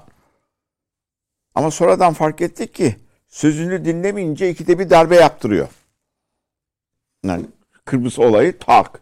İkinci Kıbrıs olayı bir daha. Bilmem ne Evet. oldu mu bir daha. Ha Haşhaş bir daha. evet müttefiksin ama Öyle. e, dediğimi yapacaksın. Bunu da öğrendik. E şimdi Avrupa'da Almanya ile Hollanda'nın dostluğunun Amerika ile sebebi kendilerini Sovyetler Birliği'ne karşı koruması. İkincisi de Almanya'nın bir de ezikliği var. Şimdiye kadar 70 tane e, Hitler'in ve Alman Nazilerinin nasıl insanları öldürdüğü filmini seyrettik Hollywood. Ya. Adamlarda psikolojik olarak yani ben Ya. Amerika'da oturan bir Alman olsam herhalde sokağa çıkmaya falan da utanırım yani o kadar şeyden sonra. Ha, o yüzden ordusunu geliştirmiyordu adam. Ki o teknolojik kabiliyet var. Soruyorduk genel subaya sizde kaç tank var? Almanya'nın 329 tankı var. Türkiye'nin 3000'in üstünde. Sayısını söylemeyeyim. Düşünebiliyor musunuz? Yani yapabilen ülke. E şimdi diyor ki 200 dolara alacağı 1000 metre küplük gaz yerine sıvı gaz getirilecekler Amerika'dan 2500 dolara. 2000 metrekübü. E, Almanların da alnında e, aptal yazmıyor herhalde. Ki fiyatlar daha da yükseldi şimdi. E, fazladan da çoğu bakın Amerikalı komutan Alman asıllı. Soruyordum siz 2. Dünya Savaşı'nda nasıl kazandınız? Dedi ki bizde daha çok Alman vardı diyor. ya böyle esprileri de var kendiler. E, o da öyle. Şimdi bakın başka açıdan da bize dokunuyor. Oraya da dikkatinizi çekmek istiyorum. Şimdi bu Asya ekonomisindeki Türk keneşinin yani Türk devletleri Cumhuriyetlerinin- artık evet. Ha, onların ekonomisi Rusya ile o civarla bağlı. Şimdi onlar da zor durumda. Rusya'ya uygulanan bu yaptırımlar dolayısıyla. Halbuki biz yavaş yavaş o ülkelerle sosyal ekonomik ilişkilerimizi geliştiriyorduk. Buraya subayları gelip gidiyordu. Yavaş yavaş hangi dil birliği içinde olalım. Buna pek Rusya ses çıkaramıyordu. Şimdi o sistemi de e, dağıttılar. Öyle bir Türk Genişi toplantısı da yapılamadı. Yani oradan da bir takım e, Türk kayıplarımız Devletleri oluyor. Teşkilatı'nın hızını kesen şeyler oldu evet. Tabii. Mesela Kazakistan bunlar olayı bunlardan birisiydi. Hatta Türkiye şöyle dedi. Biz demek ki dedi bu şeyde dedi teşkilatta dedi güvenlik ve istihbarata daha çok emek vermemiz gerekiyor Ah, dedi. Bunlar uğraşılıyor. Şeyler gidiliyor, geliyor. Çalışan çocukları da biliyorum. Sonra alıyor bizim Uygurları. Ee, sadece Uygur Nepal bilmem ne falan 4-5 yerde Çin'e olay çıkartıyor. Şimdi düşünün bir azınlık grubu alıyorsunuz. Onun sürgünde hükümetini Washington'da kuruyorsunuz. Ondan sonra diyorsunuz ki siz buradaki Uygurlara siz şey yapıyorsunuz. Baskı. Tabii. Yani sürgünde e, PKK hükümeti Amerika'da. Düşünebiliyor Evet. musunuz biz buradaki tavrımız ne olabilir? Evet Çin orada bir zulüm yapıyor ama herhalde bunu Washington söyleyecek değil yani. Onu, Ha. onu savunmak ona kalmaz. Hayır yani. oradan tutuyor asker getirtiyor şeye e, Suriye'ye orada onları savaştırıyor. O kadar e, Uygur'un parasını biz herhalde oraya vermedik. Biz de dedik ki arkadaşlar ya siz de İsrail gibi yapın. Çin içinde önemli mevkilere gelin. O, o kabiliyetiniz var. Ve Çin'in sistematiği içinde bulunun. Hocam bu son derece doğru. Demin de e, hatırlattı işte Süleyman Hocam da. Siyaset üretmek. Bizim becermemiz gereken bu. Yani biz gidip de Çin'le dövüşemeyeceğimize göre şu anda yani coğrafi bakımdan da böyle bu. Gidip de savaşamayacağımıza göre orada da bunca Türk var. O Uygur var. E bu bu Uygurlarla falan bu Çinlilerin bu sorunu ortadan yumuşatmanın formülü var bulmamız Aynı, lazım. abi İsrail gibi İsrail'i başat yapan nedir? Evet. Amerika'daki lobisi. Evet. Yoksa Orta Doğu'ya bayılıyorlar, devamlı destekliyorlar değil ki. Seçimlere para sokuyor lobi. Yüksek yerlere gelmiş, komutanları var, bilmem neleri var. Başkan Medya yardımcıları var. Medya var. Medyası var. En iyi şekilde tutuyor. Aynı modeli uygulayalım. Peşinden zannediyorlar ki sadece Türk genişi var. Ya Aktik kıyısına kadar içinde Türk Cumhuriyetleri var. Şimdi göç, Evet. göç edenlere bakıyorum. Göç edenlere bakıyorum. Bizim e, Kırım Türkleri, e, Evet. Tatarlar deniyor ama Kırım Türkleri, Tatar Türkleridir onlar. Rusya içinde Tataristan var. Oraya Evet. göç etmiyorlar. Fırsat o fırsat Avrupa'ya. 10 milyonluk Evet. Tataristan var. Özel Cumhuriyet. Şimdi bakın bir sürü... Özelliği elinden alındı artık. Ha tabii özelliği kalksın ama kendi insanların olduğu yer Avrupa'ya gitme. Tabii. Avrupa'nın hala eski zengin Avrupa imajı olduğunu zannediyorlar. Değil. Avrupa taştı. 2001'den beri Amerika'nın yaptığı rejim değişiklikleriyle Afrika'dan, Tabii. Orta Doğu'dan, Güneydoğu Asya'dan gelenlerle taştı alacak hali yok. Rusya da bunu biliyor. Ve ona göre oyunu oynuyor. Bunları da mı hesaplamadılar? 17'ye yakın istihbarat kuruluşu var. Bizim yaptığımız basit analizleri yapmıyorlar mı? Ya hiç bilmediğimiz çok büyük bir oyun dönüyor. Hiç sanmıyorum hocam. Ve onun ama 17 tane önüne gelen televizyonda 70 tane CIA filmi var. Artık nasıl çalıştıklarını, hangi büroları, odaların içleri, resimler, neler yaparlar öğrendik. Müthiş bir teşkilat. Onlar bu olayları görmüyor ve milyonlarca insanı belli amaç uğruna harcadılar. Türkiye'yi e, sıkıştırdılar. Orta Doğu'yu karıştırdılar. Orta Doğu'yu soktular. Daha başka tarafları karıştırdılar. Şimdi de kabiliyetleri de var. Bakın kabiliyetli olduklarını söyleyeyim. Tabii hiçbir şey mesela içeride olay çıkarmayı başarıyorlar onu söyleyelim. Şimdi Birinci Dünya Savaşı'nda Ermeniler ayaklanıyor, çatışmalar oluyor, bazı katliamlar oluyor. Ülke içinde devlet Evet. çalışıyorlar. Dışarıdan müdahale ettikleri 3 milyon kişi öldük, öldürdükleri Vietnam Amerika'nın dostu. Evet. 3 milyon kişi garantili. Bu nasıl oluyor ya? Bir eksik bilgimiz var bizim herhalde. Böyle de bir kabiliyetleri olduğunu kabul ediyorum. Şunu da sorayım size e, Hasan Hocam. Şimdi bu toplantılar vesilesiyle e, güvenlik belgesi işte bizim stratejik belge dediğimiz Avrupa'nın kabul edilmiş oldu. Evet.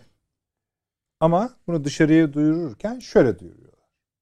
Biz ordu oluşturmak istemiyoruz. Kaldı ki NATO'ya karşı da bu oluşum her neyse değil. NATO'ya karşı değil. Ama ismi yeni bir güvenlik mimarisi. Tabii.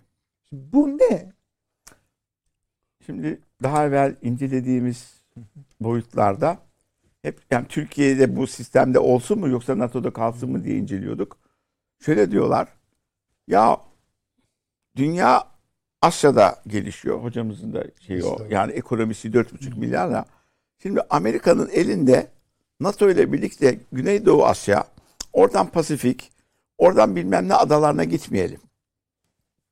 Biz burada bir yapı kuralım. Bu bizi oraya çektiği zaman biz gitmiyoruz diyelim. O zaman bizi terk ederse elimizde bir savunma bütünlüğü olsun. Ha dedik ki demek ki bu hakikaten Asya Pasifik'e kayıyor olaylar. Bunlar da burada bir yapı oluşturacak. Biz de bu sistemin içinde olalım. Yani bütün analizler o boyuttaydı. İşte Afrika'ya birlikte müdahale edelim. Zaman Mali üzerinde duruyorlardı. E, Kuzey Afrika'daki ülkelere birlikte şey yapalım. E, Orta Doğu'da da ortak hareket edebilelim. E, Amerika şey Almanya Orta Doğu'ya giremiyor, İsrail izin vermiyor. Oradaki ekonomik olarak da giremiyor, siyasi olarak da. Ha onu da biz taşırız. Boyut, buna çalışıyorduk. E, oradan bambaşka bir boyuta dönüştü. Amerika geri geldi. Bilmem burası çok önemli gibi gözüktü. Halbuki bütün analizlerde size yemin ederim yeni dünya düzenindeki önemli noktalarda ki yapı böyleydi. Amerikalar, Güneydoğu Asya, Asya. Avrupa önemsiz diye yazıyorlardı. Avrupa önemsiz diye yazılıyordu. Nerede yazıyordu? NATO belgelerinde. Kaç? Bir sene önce. Şimdi çok önemli bir Önemli. araya gelmesi lazım. Para arttırması lazım falan. O yüzden hocamın söylediği gibi burada büyük bir numara dönüyor. İnşallah Avrupalılar farkındadır. Herhalde farkında zaten işte Hollanda'yla şeyi söyledin sen Almanya'yı. Katiyen eskisi kadar ha, Birinci Dünya Savaşı'nda Avrupa önemli. İkinci Dünya Savaşı'nda Avrupa, Orta Doğu, İran Körfezi falan filan. Şimdi öyle değil. Yeni hatlarda Asya Pasifik, biraz İran Körfezi. Petrol oradan çıktığı için Körfez ülkeleri ve Amerika. Burası yok. Avrupa yok. Önemli değil. Soruyor bazı Balkanlardan gelen subaylar. Bizim orada savaş, sizin savaş çıktı bitti. Bir daha Balkanlarda bir olay olmaz. Olay çıkaranların bir kısmını da Avrupa Birliği'ne aldılar. Adamlar Slovakya'yı almış. Ertesi gün Slovaklar şeye yerleşmiş. Toplu halde yarısı İrlanda'ya. Almanya'ya da değil, İrlanda'ya. Bambaşka bir yapı doğuyor orada. Peki hocam. Hocam ne diyorsunuz bu bir yıl önce Avrupa önemsiz için? Hala acaba önemli mi? Değil işte zaten onu konuşalım istiyorum. Bir de şeyden çok mesaj Ee, geldi. Bu kuşatma işini biraz konuşalım isterseniz. hay hay hangisi? Yani şeyi. Neresi? tersine boy kuşatma. kuşatma? E, tersine de demeyelim. Yani kuşatılan neresi? Ay, Kendisi. Çünkü güya hani sıkıştıran, e, yaptırım uygulayan, Rusya'yı cendereye alan Amerika Birleşik Devletleri değil mi? Hı hı. İşte Avrupa'da bir direnç koyan ona falan. Ama dünyaya bakıyorsunuz. Yani dünya herhalde Avrupa ile Asya'nın birleştiği yerden ibaret değil. Ya Evet. da Avrasya'dan teknik karşılığıyla. Hiç bunların aksi sedası olmuyor orada. Ha, oluyorsa bile çok tersine oluyor. O zaman Amerika için ne önemli? Şimdi onun için ilk başta söylediğimi tekrar etmek zorundayım. Daha ileri bir şey söyleyeceğim. Amer bugün birileri için Amerika'yı temsil eden birileri için Amerika o kadar önemli mi? Oraya gidiyor işler. Velev ki Türkiye'de Amerika'yı temsil etmek isteyenler diyeceksiniz. Evet, tabii ki. Onlar hala ama onlar zannediyor işte 50'lerin NATO'su ilişkiler öyle olur bir gün falan. Balayını filan hatırlıyorlar. Öyle değil ama. Bütün bir sicili döküyorsunuz ortaya. Sürekli olarak dışlanan konumunda Türkiye. Bizzat NATO tarafından. Yani şimdi şu fotoğrafa bakıp neye inanacağız? Orada Türkiye'ye yaptırım uygulayan devletler var. Fotoğrafın komikliğini görüyor musunuz yani? yani NATO'nun da bu anlamda kendine hayrı yok herhalde. Şimdi bütün bunlar olacak. Bütün bu şeyler, e, gerilimler vesaire olacak ama netice olarak e, Avrupa için şunu söyleyebilirim hani sorunuza dönmek itibariyle. Bu da çok Yani tehlikeli bir süreç. Hoca demin dedi ya. Yani o kadar büyük plan var ki biz göremiyoruz. Ne o plan? Onu, yani İşte onu diyorum yani. bizi kuşatma bir lafına sahne- getiren o yani. Evet, evet. Yani o kuşatmalar ama dediğim gibi 2050'lerde bu konuşmaların bir anlamı olmayacak. Aşağı yukarı onu söyleyebilirim. Ya onu unutmamak lazım. Çok daha temelli başka bir mesele var. Orada insanlık nasıl vaziyet alacak? Onu düşünmemiz gerekiyor. Şimdi çünkü bu vatanseverlik diyelim, yerlicilik diyelim. Bu gibi tepkilerin doğru bir istikamet kazanması lazım. Şu an refleksler var. Mesela Putin refleks veriyor. Çin bir refleks veriyor. Tamam bunlar doğru ama bunlarla dünyayı kazanamıyorsunuz. Yani nasıl ki adamların e, Green New Deal taslağı varsa ve bunun tabii içinde hangi chapter'lar var iyice bakılması lazım ona. Bir başka teklif sunulması lazım. O da bu memleket dünyada vatanlarını seven insanlar. Bu işi ucuz dışlayıcı milliyetçiliğe taşımadan bu dünyanın çok renkli bir dünya olduğunu bilen insanlar. Yani şey gibi düşünüyorum ben bu düşünce tarihinde bir Herder vardır. Evet. aydınlanmacıdır. Ama şöyle der. Dünyanın renklerine göre bir aydınlanma. Yani böyle standart bir aydınlanma değil. Bugün de aynı problem var bence. Bugün o aydınlanmacı gelenek var ya işte ta 18. yüzyılda tamamen tarihsel bağlamların üstüne çıkan, bütün dünyaya bir vazife çıkaran falan. Onun bence en yüksek voltajını şu an yaşıyoruz. Orada bir Herder olmalı. Bu Herder diyordu ki tamam aydınlanalım güzel mesele yok. Ama bu dünyanın renklerini soldurmayalım. Onun için de insanlığımızı kaybetmeyelim. Dolayısıyla potansiyel gene bu vatansever şeyde e, cephede ama oradan ne çıkacak? Çok kötü şeyler de çıkabilir. Bakın söyleyeyim. Risklerden biri. Almanya örnek. Almanya şu an beka sorunu yaşıyor. Şimdi bu beka sorunu eğer bir ordu kurmakla Avrupa'yı bir yere götürecekse o Almanya'dan ben korkarım. Bravo. Açık söyleyeyim korkarım. Yani çünkü dünyanın Almanya'dan sigortası korkmayın bence. Avrupa'nın tamamından ama korkmuyor. Almanya çok özel. Ha, tabii şu oraya sıçrar anlamında O söylüyorum. her yere sıçrar. Tabii. Yani İkinci Dünya Savaşı'ndan sonra e, hocam çok daha iyi bilir onu. Dünyanın e, sigorta sistemi Almanya'nın iki yani çok özür dileyerek söyleyeceğim ama iki husyesini alarak Japonların aynı şekilde Tabii, iki husyesini alarak. Çünkü bunların çalışkanlığıyla, üretkenliğiyle militarizmi birleştiği zaman korkulur yani. Şimdi Şu anda Japon onları geri takıyorlar. işte oraya Ya. diyorum yani. Rusyeler Japonya'da yerine oturtuluyor. O zaman Amerika bile bunun altında kalır. Yani bu Hocam bu Kissinger'ın diplomasi kitabının sonuna böyle Tabii. bir analiz eklemiş. Zaten- Almanya analizi. e, Yeni baskısı var. Albright e, Tam vefat etti. Ama şimdi Kissinger'a bakalım. Kissinger son zamanlarda o ya, o haliyle O haliyle. çok tehlikeli işler yapıyor Amerika diyor. Evet. Bravo. Diyor. Diyor. Son kitabında. evet. Duralım yani. Bu yani 2. Dünya Savaşı'ndan sonraki o sigorta şebekesini döşeyen adamlar bunlar. Dengeleri kuran Evet. evet. değil mi yani sonuçta bu adamlar denge kuruyordu. Canon e, çeviriyordu kur- Rusya'yı ama bir denge kuruluyordu orada şöyle veya böyle. Şimdi dengesiz bir şeyler oluyor. Soğuk Savaş'ın sonuna Tabii, kadar da adamın Dedikleri de kurduğu çatı devam etti. devam etti.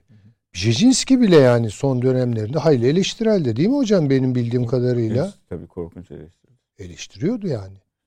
Yani Amerika'nın şey beyinleri Evet. yani süper beyinleri bile Amerika'nın şu an yaptıklarına hayretle bakıyorlar. Onun için tehlikeli işler. NATO'yu Avrupa'da güçlendireyim derken oradan bir Almanya canavarı çıkabilir yani. O- Bir de hocam göç var orada ha, Müslüman göçü. onu o çok O güzel. bizim Evet. Müslümanların ve Türklerin üzerine yığılacak. Yığılırlar. Bize de iş- işin ucu bize de tutar. Rusya'ya karşı dönebilir ama Amerika'ya karşı da dönebilir. Yani çok ilginç. Anti NATO bir şey de çıkabilir oradan. Çünkü şu an sıkışmışlığı ne Almanya? Almanlar Almanya'nın- bu defa orduyu Türklerden kuracaklar hocam Artık biraz. onu bilmiyorum. Kurar, kurmazlar. Yani Alman vatandaşı Almanya'da- olan Türkler. E, hiç zannetmiyorum üstadım. E, Almanya'da ordu kurulacaksa uyuyan Nazi hücreleri tarafından kurulur. O hem de nasıl? Onlar var. Var gayet. Bir de bu şeyle ilgili onu da söyleyeyim. Bugün biraz spot konuşuyorum özür dilerim ama Estağfurullah. e, bu biliyorsunuz daha doğrusu hatırlayacağız herhalde çok geçmedi üzerinden. Rusya Belarus üzerinden bir şey yapmıştı. Göçmen sızdırmıştı. Evet. Putin. Aslında bu e, yani early warning olması İşaret. gerekirdi yani erken Almanya işaret. için veya hepsi Polonya için şunu bunu. Ben dedi bakın açarım bagaj şeyin barajın kapağını. Hocam Şimdi- bisikletle kaçıyordu millet hatırlayın. Tabii tabii. Şimdi insani koridorlar açıyor. Putin'i aptal yerine koyuyorlar ama Putin öyle bir adam değil. O insani koridorlardan Avrupa'nın içine göçmen şeyini başlatıyor. Bakın kaç türlü savaşıyor. Bunlar öyle yani zaafa düşmüş. Falan Ve al, ilk defa almay, almayız da diyemiyorlar. diyemiyorlar. Kendilerinden. Tabii. Hocam 30 30 gün oldu mu? Tam bir ay. Oldu. Bir ay. Tam Tabii. 30 gün oldu. Günde 100 bin kişi girmiş Avrupa'ya. Buyurun. Tabii öyle. 3 milyon. Yo yo daha fazla. Dör, dörde buçuk ulaştı. milyon değil Tabii, tabii. Tamam. İşte Ya o dayan- zaman şuna dönüşür. Ha, ve dayanıyorlarmış demek. Tabii. Şu an aydınlanmacı akılla yani bunlar da işte bizim gibi beyaz, sarışın, mavi, Mavi gözlü. gözlü. Yarın şu söylenecektir Almanya'da. Bunların e, sarışınlığı bizden iki ton koyu olduğuna göre bunlardan şüphe etmemiz lazım. E, bunların ma- gözleri yeteri kadar mavi değil diye Aynı başlıyor. düşünüyorum. Aynı düşünüyorum. O gelecek. Şimdi Tabii. tamam. Bunlar güzel de. Trump'ta da vardı böyle bir merak. Sarışın mavi gözlü Trump bu adam garip yani. merakı. Trump'ın döneminde bu gerilimi yaşamadı dünya. Yok, Herkes biraz Evet. düşünsün yani. Evet. Ki neler yaptı. Ki ne? Hay onun ya- basitti onu yaptı. Ya Orta Doğu'yu İsrail'e Yani bırakmıştı. kaba. Ha. Yani diyordu ki bu iş- teknoloji şirketlerine falan gelin buraya diyordu. Amerika'yı kal- bırakın dünya ne hali varsa görürsün. Böyle diyen bir adamdı. Bunlar konuştuk. Paleokon kafa bu. Bu değişik bir muhafazakarlık. Neokonlarla anlaşamıyorlar. Ama kaybetti şimdilik. Yarın gelecek. Geldiği zaman ne olacak acaba? Ya ona da çok sevinmeyelim. Ee, Hayır sevinecek diye bir şey yok. tabii. Çünkü o İsrail'i kışkırtır burada. bu sefer Yani tekrar aynı çarklar geriye doğru Geriye doğru dönebilir. Evet. Yani dünyada da tabii böyle bir riski kaldırmaz yani.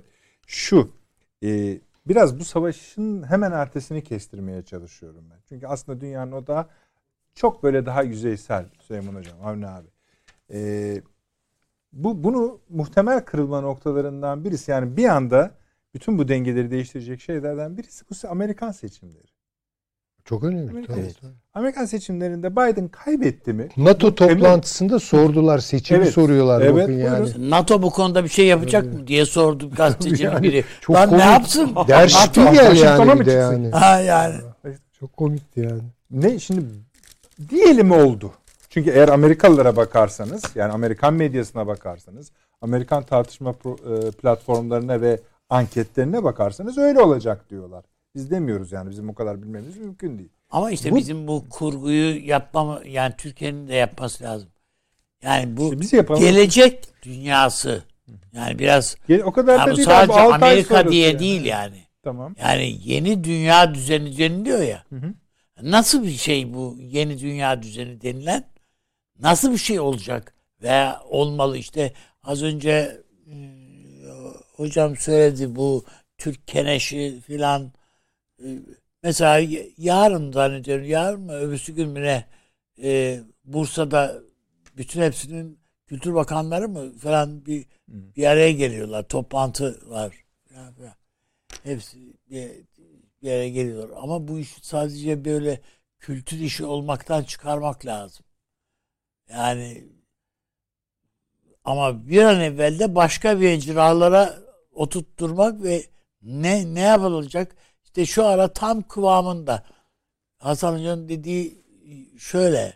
Yani şu anda Rusya ağzını açamayacak halde. İşte ise konuşmamıza bir itirazı olamaz. Evet. Aslında Yani- Amerika'nın da eli çok dolu. Bir şey yapacaksanız onu ki- da yapabilirsiniz. Işte yapamam. Ben mesela ya, bir şey yanlış düşünüyor olabilirim ama şu anda ben Kuzey Kıbrıs'ın tanınması adına Türkiye'nin bütün gücüyle birilerine yani Abanması lazım. yani işte Pakistan'a mı abanacaksın, Azerbaycan'a mı abanacaksın? Ya birilerine abanacağız. İngi, eğer birine ya şey yapacaksak böyle ko- e, bize ya bize kıyak yap diye yaklaşacaksak İngiltere'ye yaklaşacağız. Çünkü bir de aynı zamanda Kıbrıs konusunda garantör ülke yani İngiltere. E, Yani bu Hazır aramızda iyiyken mi diyor? yani kötü değiller en azından. Ama birilerine böyle işte ister Güney Amerika ülkeleri falan var ya bir takım Cumhurbaşkanımıza falan da çok şey yapıyorlar falan. Yani bu bunlar yani arkadaş şu Güney bizim Kuzey Kıbrıs'ı bir tan tanıyın diye hangisine nazımız geçiyorsa hangisine gücümüz yetiyorsa Afrika ülkelerinden şundan bundan ya bir veya iki devlet yani bu Kuzey Kıbrıs'ı bizim bir iki yer tanıttı mıydı biz çıtayı başka noktaya geç şey yapacağız yani diye düşünüyorum. Peki Hasan Hocam ne dersiniz bu fikre? Şey de sor- soruyorum. Sonra siz bunu söyleyin Kıbrıs fikri. Kı- Kıbrıs Biliyorsunuz evet. Rusya çünkü bu konuda bir laf attı ortaya. Şimdi bu şeye baktık. Ee, Yunanistan'ın durumuna. Ee, Mitsotakis tabii destekliyor NATO'yu geldiği Amerikan şeyleri fakat Yunan kamuoyu e, Mitsotakis gibi düşünmüyor. Ruslara bir yakınlıkları var. Yani uzun zamandan beri işte onların kuruluş döneminde falan bir de ortodoksluk var. Gayet tabii. Ve o yüzden e, hükümetle Rus halkı arasında bir e, şeylik var. Ters durumlar var. Onu da ilginç şekilde NATO analizlerini yapmış. Ya bu Yunanlar değişik davranıyor falan. Ha, bu sırada hiç olmazsa belli bir boyutun ortaya çıkması için e, hakikaten e, Kıbrıs konusunda Türkiye'nin bir e, hamle yapması. Şu anda bir devlet olarak Bu zamanlamaya dayanarak için, tabii. Şimdi belki bu olaylar sonucu e, Amerika'nın etkisi dışında kalan senin deyiminle e, Batı havzası dışında kalanlar e, artık rahatlayarak biz bari bu kısmı tanıyalım diyebilirler. Yani bu olay hızla gelişiyor. Çünkü tanımazlarsa bizim Doğu Akdeniz deniz sınırları ve oradaki ileri sürdüğümüz tezler sıfırlar. Sıfırlar. Yani o, onun deniz sınırlarına dayanarak o tezleri ileri sürüyoruz. Öbür türlü tamamen Avrupa Birliği'ne gelmiş bir e, Kıbrıs Cumhuriyeti. Bizim sınırlar işte 12 deniz mili biraz daha boş yerlerde nasıl deniz bölgeleri gibi kalıyor. O yüzden e, Karadeniz'deki yapıdan çok daha önemli Güneydoğu Asya. Ve bizim o Doğu Akdeniz bölgesi. Bölgesi. Ha, Ondan sonra Ege zaten birbirine çok yakın deniz. Orada çok fazla bir hareketlilik olacağını tahmin etmiyorum. Ama burası büyük boşluklar içinde. İşte şimdi Mısır, İsrail yanımıza çekiliyor. Belki boru hattı geçer geçmez. Onun parasını kim ödeyecek öyle değil ama madem öyle boru hattını Kıbrıs'tan geçirin. Onu da tanıyın. Zaten iki toplumlu. Anam planı da buna yakındı. Tabii anam planı gibi değil de bizim çizdiğimiz harita üzerinden. E, O zaman biraz daha e, ortamı Türkiye'nin hem oturmuş olur hem de Yunanistan'ın bir takım e, ruhani durumlarından kurtulmuş oluruz. Ama şu anda Yunan halkı e, Rusya'nın yanında olduğunu e, size söyleyebilirim. Evet, Süleyman Hoca'nın da bu benzer yani en azından solculara öyledir diye bir ara bek ümit, Ee, ümitliydi. Hala da ümitli. Öyle bugün bugünkü bu Yani kadar. evet ama işte o kiliseleri ayırdılar ya e, Ukrayna kilisesini şeye bağlılar Moskova kilisesinin büyük tepkisi filan. Tam herhalde orada ama dediği Ukrayna'yı da ayırdılar biliyorsunuz. Evet. Yani İşte Ukrayna de öyle yani. Oraya o bağlanınca Biden'ın büyük oyunlarından bir Birisi tanesi. o. tabii Bir canım. tanesi. Bizim patriği kullandılar. Evet, evet. Yani şöyle söyleyeyim, e, bu şeyle ilgili olarak e, acaba bunu delebilir mi? Bir Ortodoks e, şey e, enerji çıkarabilir mi? Putin? O bana biraz şey geliyor. Yani zannetmiyorum çünkü çok bölündüler. Yani. E, Ama Ukrayna Kilisesi'nin arkası ya- yaşadığı yani şeyin arkası o o. kadar ne kadar Ama işte belirleyici kendisi bilmiyorum. Ortodoks değil. Evet yani O, o- Bakış o, iş başka. o kadar kolay değil yani. Slavlık ama Rusların öncülüğünde bir Slavlık diye bir şey koyunca yani buradan bir şey çıkartması zor. Ama ileri karakolu Sırbistan var. Çok tehlikeli mesela. Orada tam bir biat var Öyle. yani. İşte Beyaz Rusya öyle. Ukrayna'yı işte kendine göre e, değerlendiriyor, e, yapıyor. Benim şimdi üzerinde durmak istediğim esas mesele bu şeye dikkat edelim lütfen. Hani bu toplantının en büyük vurgusu bu gıda meselesi. Evet, evet yazmış. Çok çok önemli bu. 4 milyar dolar istiyorlar. Evet. Yani Avrupa'da raflar boşalabilir. Avrupa'da raflar boşalabilir. Almanya'da bile diyorlar Evet. doğruysa. Şimdi bunu nasıl değerlendireceğiz? Bu biraz da bence istenerek yapılıyor gibi geliyor bana. Yani şimdi bütün bunlar tesadüf mü üst üste geldi. Dünyada Evet çok şüpheli bir şey. evet üretim kaybı yaşandı. Zaten yani durgunluğa gidiyordu dünya bunu görüyorduk. Ağır krizi geçirdik 2008 değil mi? Tam salgınla birlikte pandemiyle birlikte 2019 krizini yaşadık. Ardından zincirler koptu, boşandı. Yani sadece bir dönemsel olarak bir yerde bir üretim e, eksilmesi var. Telafi edilebilir. Yeter ki tedarik zincirleri aksamasın. Ham madde, ara maddeler değil mi? Yani Hayır, o da değil. Kırıldığı yerde sosyal zincirleri tutam zaten tutamaz. Tanımıyorsunuz ya ama bütün bunlar bir araya nasıl geliyor ben de bunu anlayamıyorum. Yani dönemsel olarak işsizlik de olabilir. Biraz para katarsınız piyasaya canlandırırsınız, istihdam yaratırsınız, çözersiniz. Evet. Durgunluğu aşabilirsiniz tek başına. Ee, enflasyonla mücadele edebilirsiniz dönemsel olarak. Ama hepsi birden nasıl geliyor? Ve bütün bunlar bizi gite kaka bir yere götürüyor. Ekmek davasına götürüyor. Ekmek Pandemiyi siyasi... de ekleyin hocam bunun üstüne. Tabii bunların içinde hepsi onların yaşandı zaten. Evet. Dediğiniz doğru. Ama meselenin pandemi olur gene işte aşı bulundu denir falan Evet. idare edilir. Ekmek ekmek siyaset ilişkisi kurulduğu zaman çok tehlikeli bu. Orada insan insanlıktan çıkıyor. Ve Şimdi ben e, bakıyorum Biden gıda krizinden gıda e, eksilmelerinden neredeyse kıtlık ilan edecek adam. Tabii çok ilginç. Ve Avrupa'da. Macron bunu söylüyor. En önemli mesele diye koyuyor önümüze. E şimdi biz bunları böyle lalet tayin hani e, kutuplarda e, penguenler ölüyor haberi gibi mi seyredeceğiz? İklim diye derin bir şey konu. Yani şuraya noktaya getiriyorlar.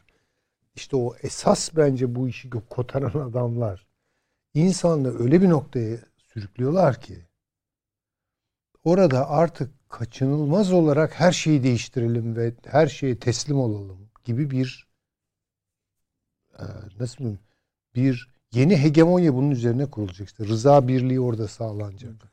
Yani bunun, Bundan korkuyorum ben. bunun ekonomi politiğinin izahı gerekiyor. Yani çok tabii yuvarlanıyor. tabii. Yani küresel Tabii. bir yuvarlanma var aynı zamanda. Yani tutunamadan yaşıyoruz öyle.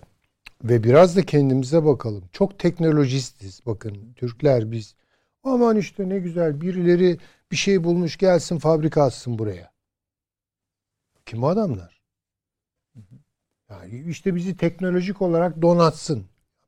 Bu bir donanma meselesi değil. Teknolojinin tek başına bir anlamı yok. Onunla bizim kurduğumuz ilişkidir belirleyici olan. Ama insanlığı böyle her şeyi kabule zorlayacak bir çizgiye çektikten sonra irademiz de gider. İrade de artık zaafa uğrar. Onun için bir irade geliştirmek lazım. Bunun için de gıda sorunu varsa eğer lalet tayin bir şey değil.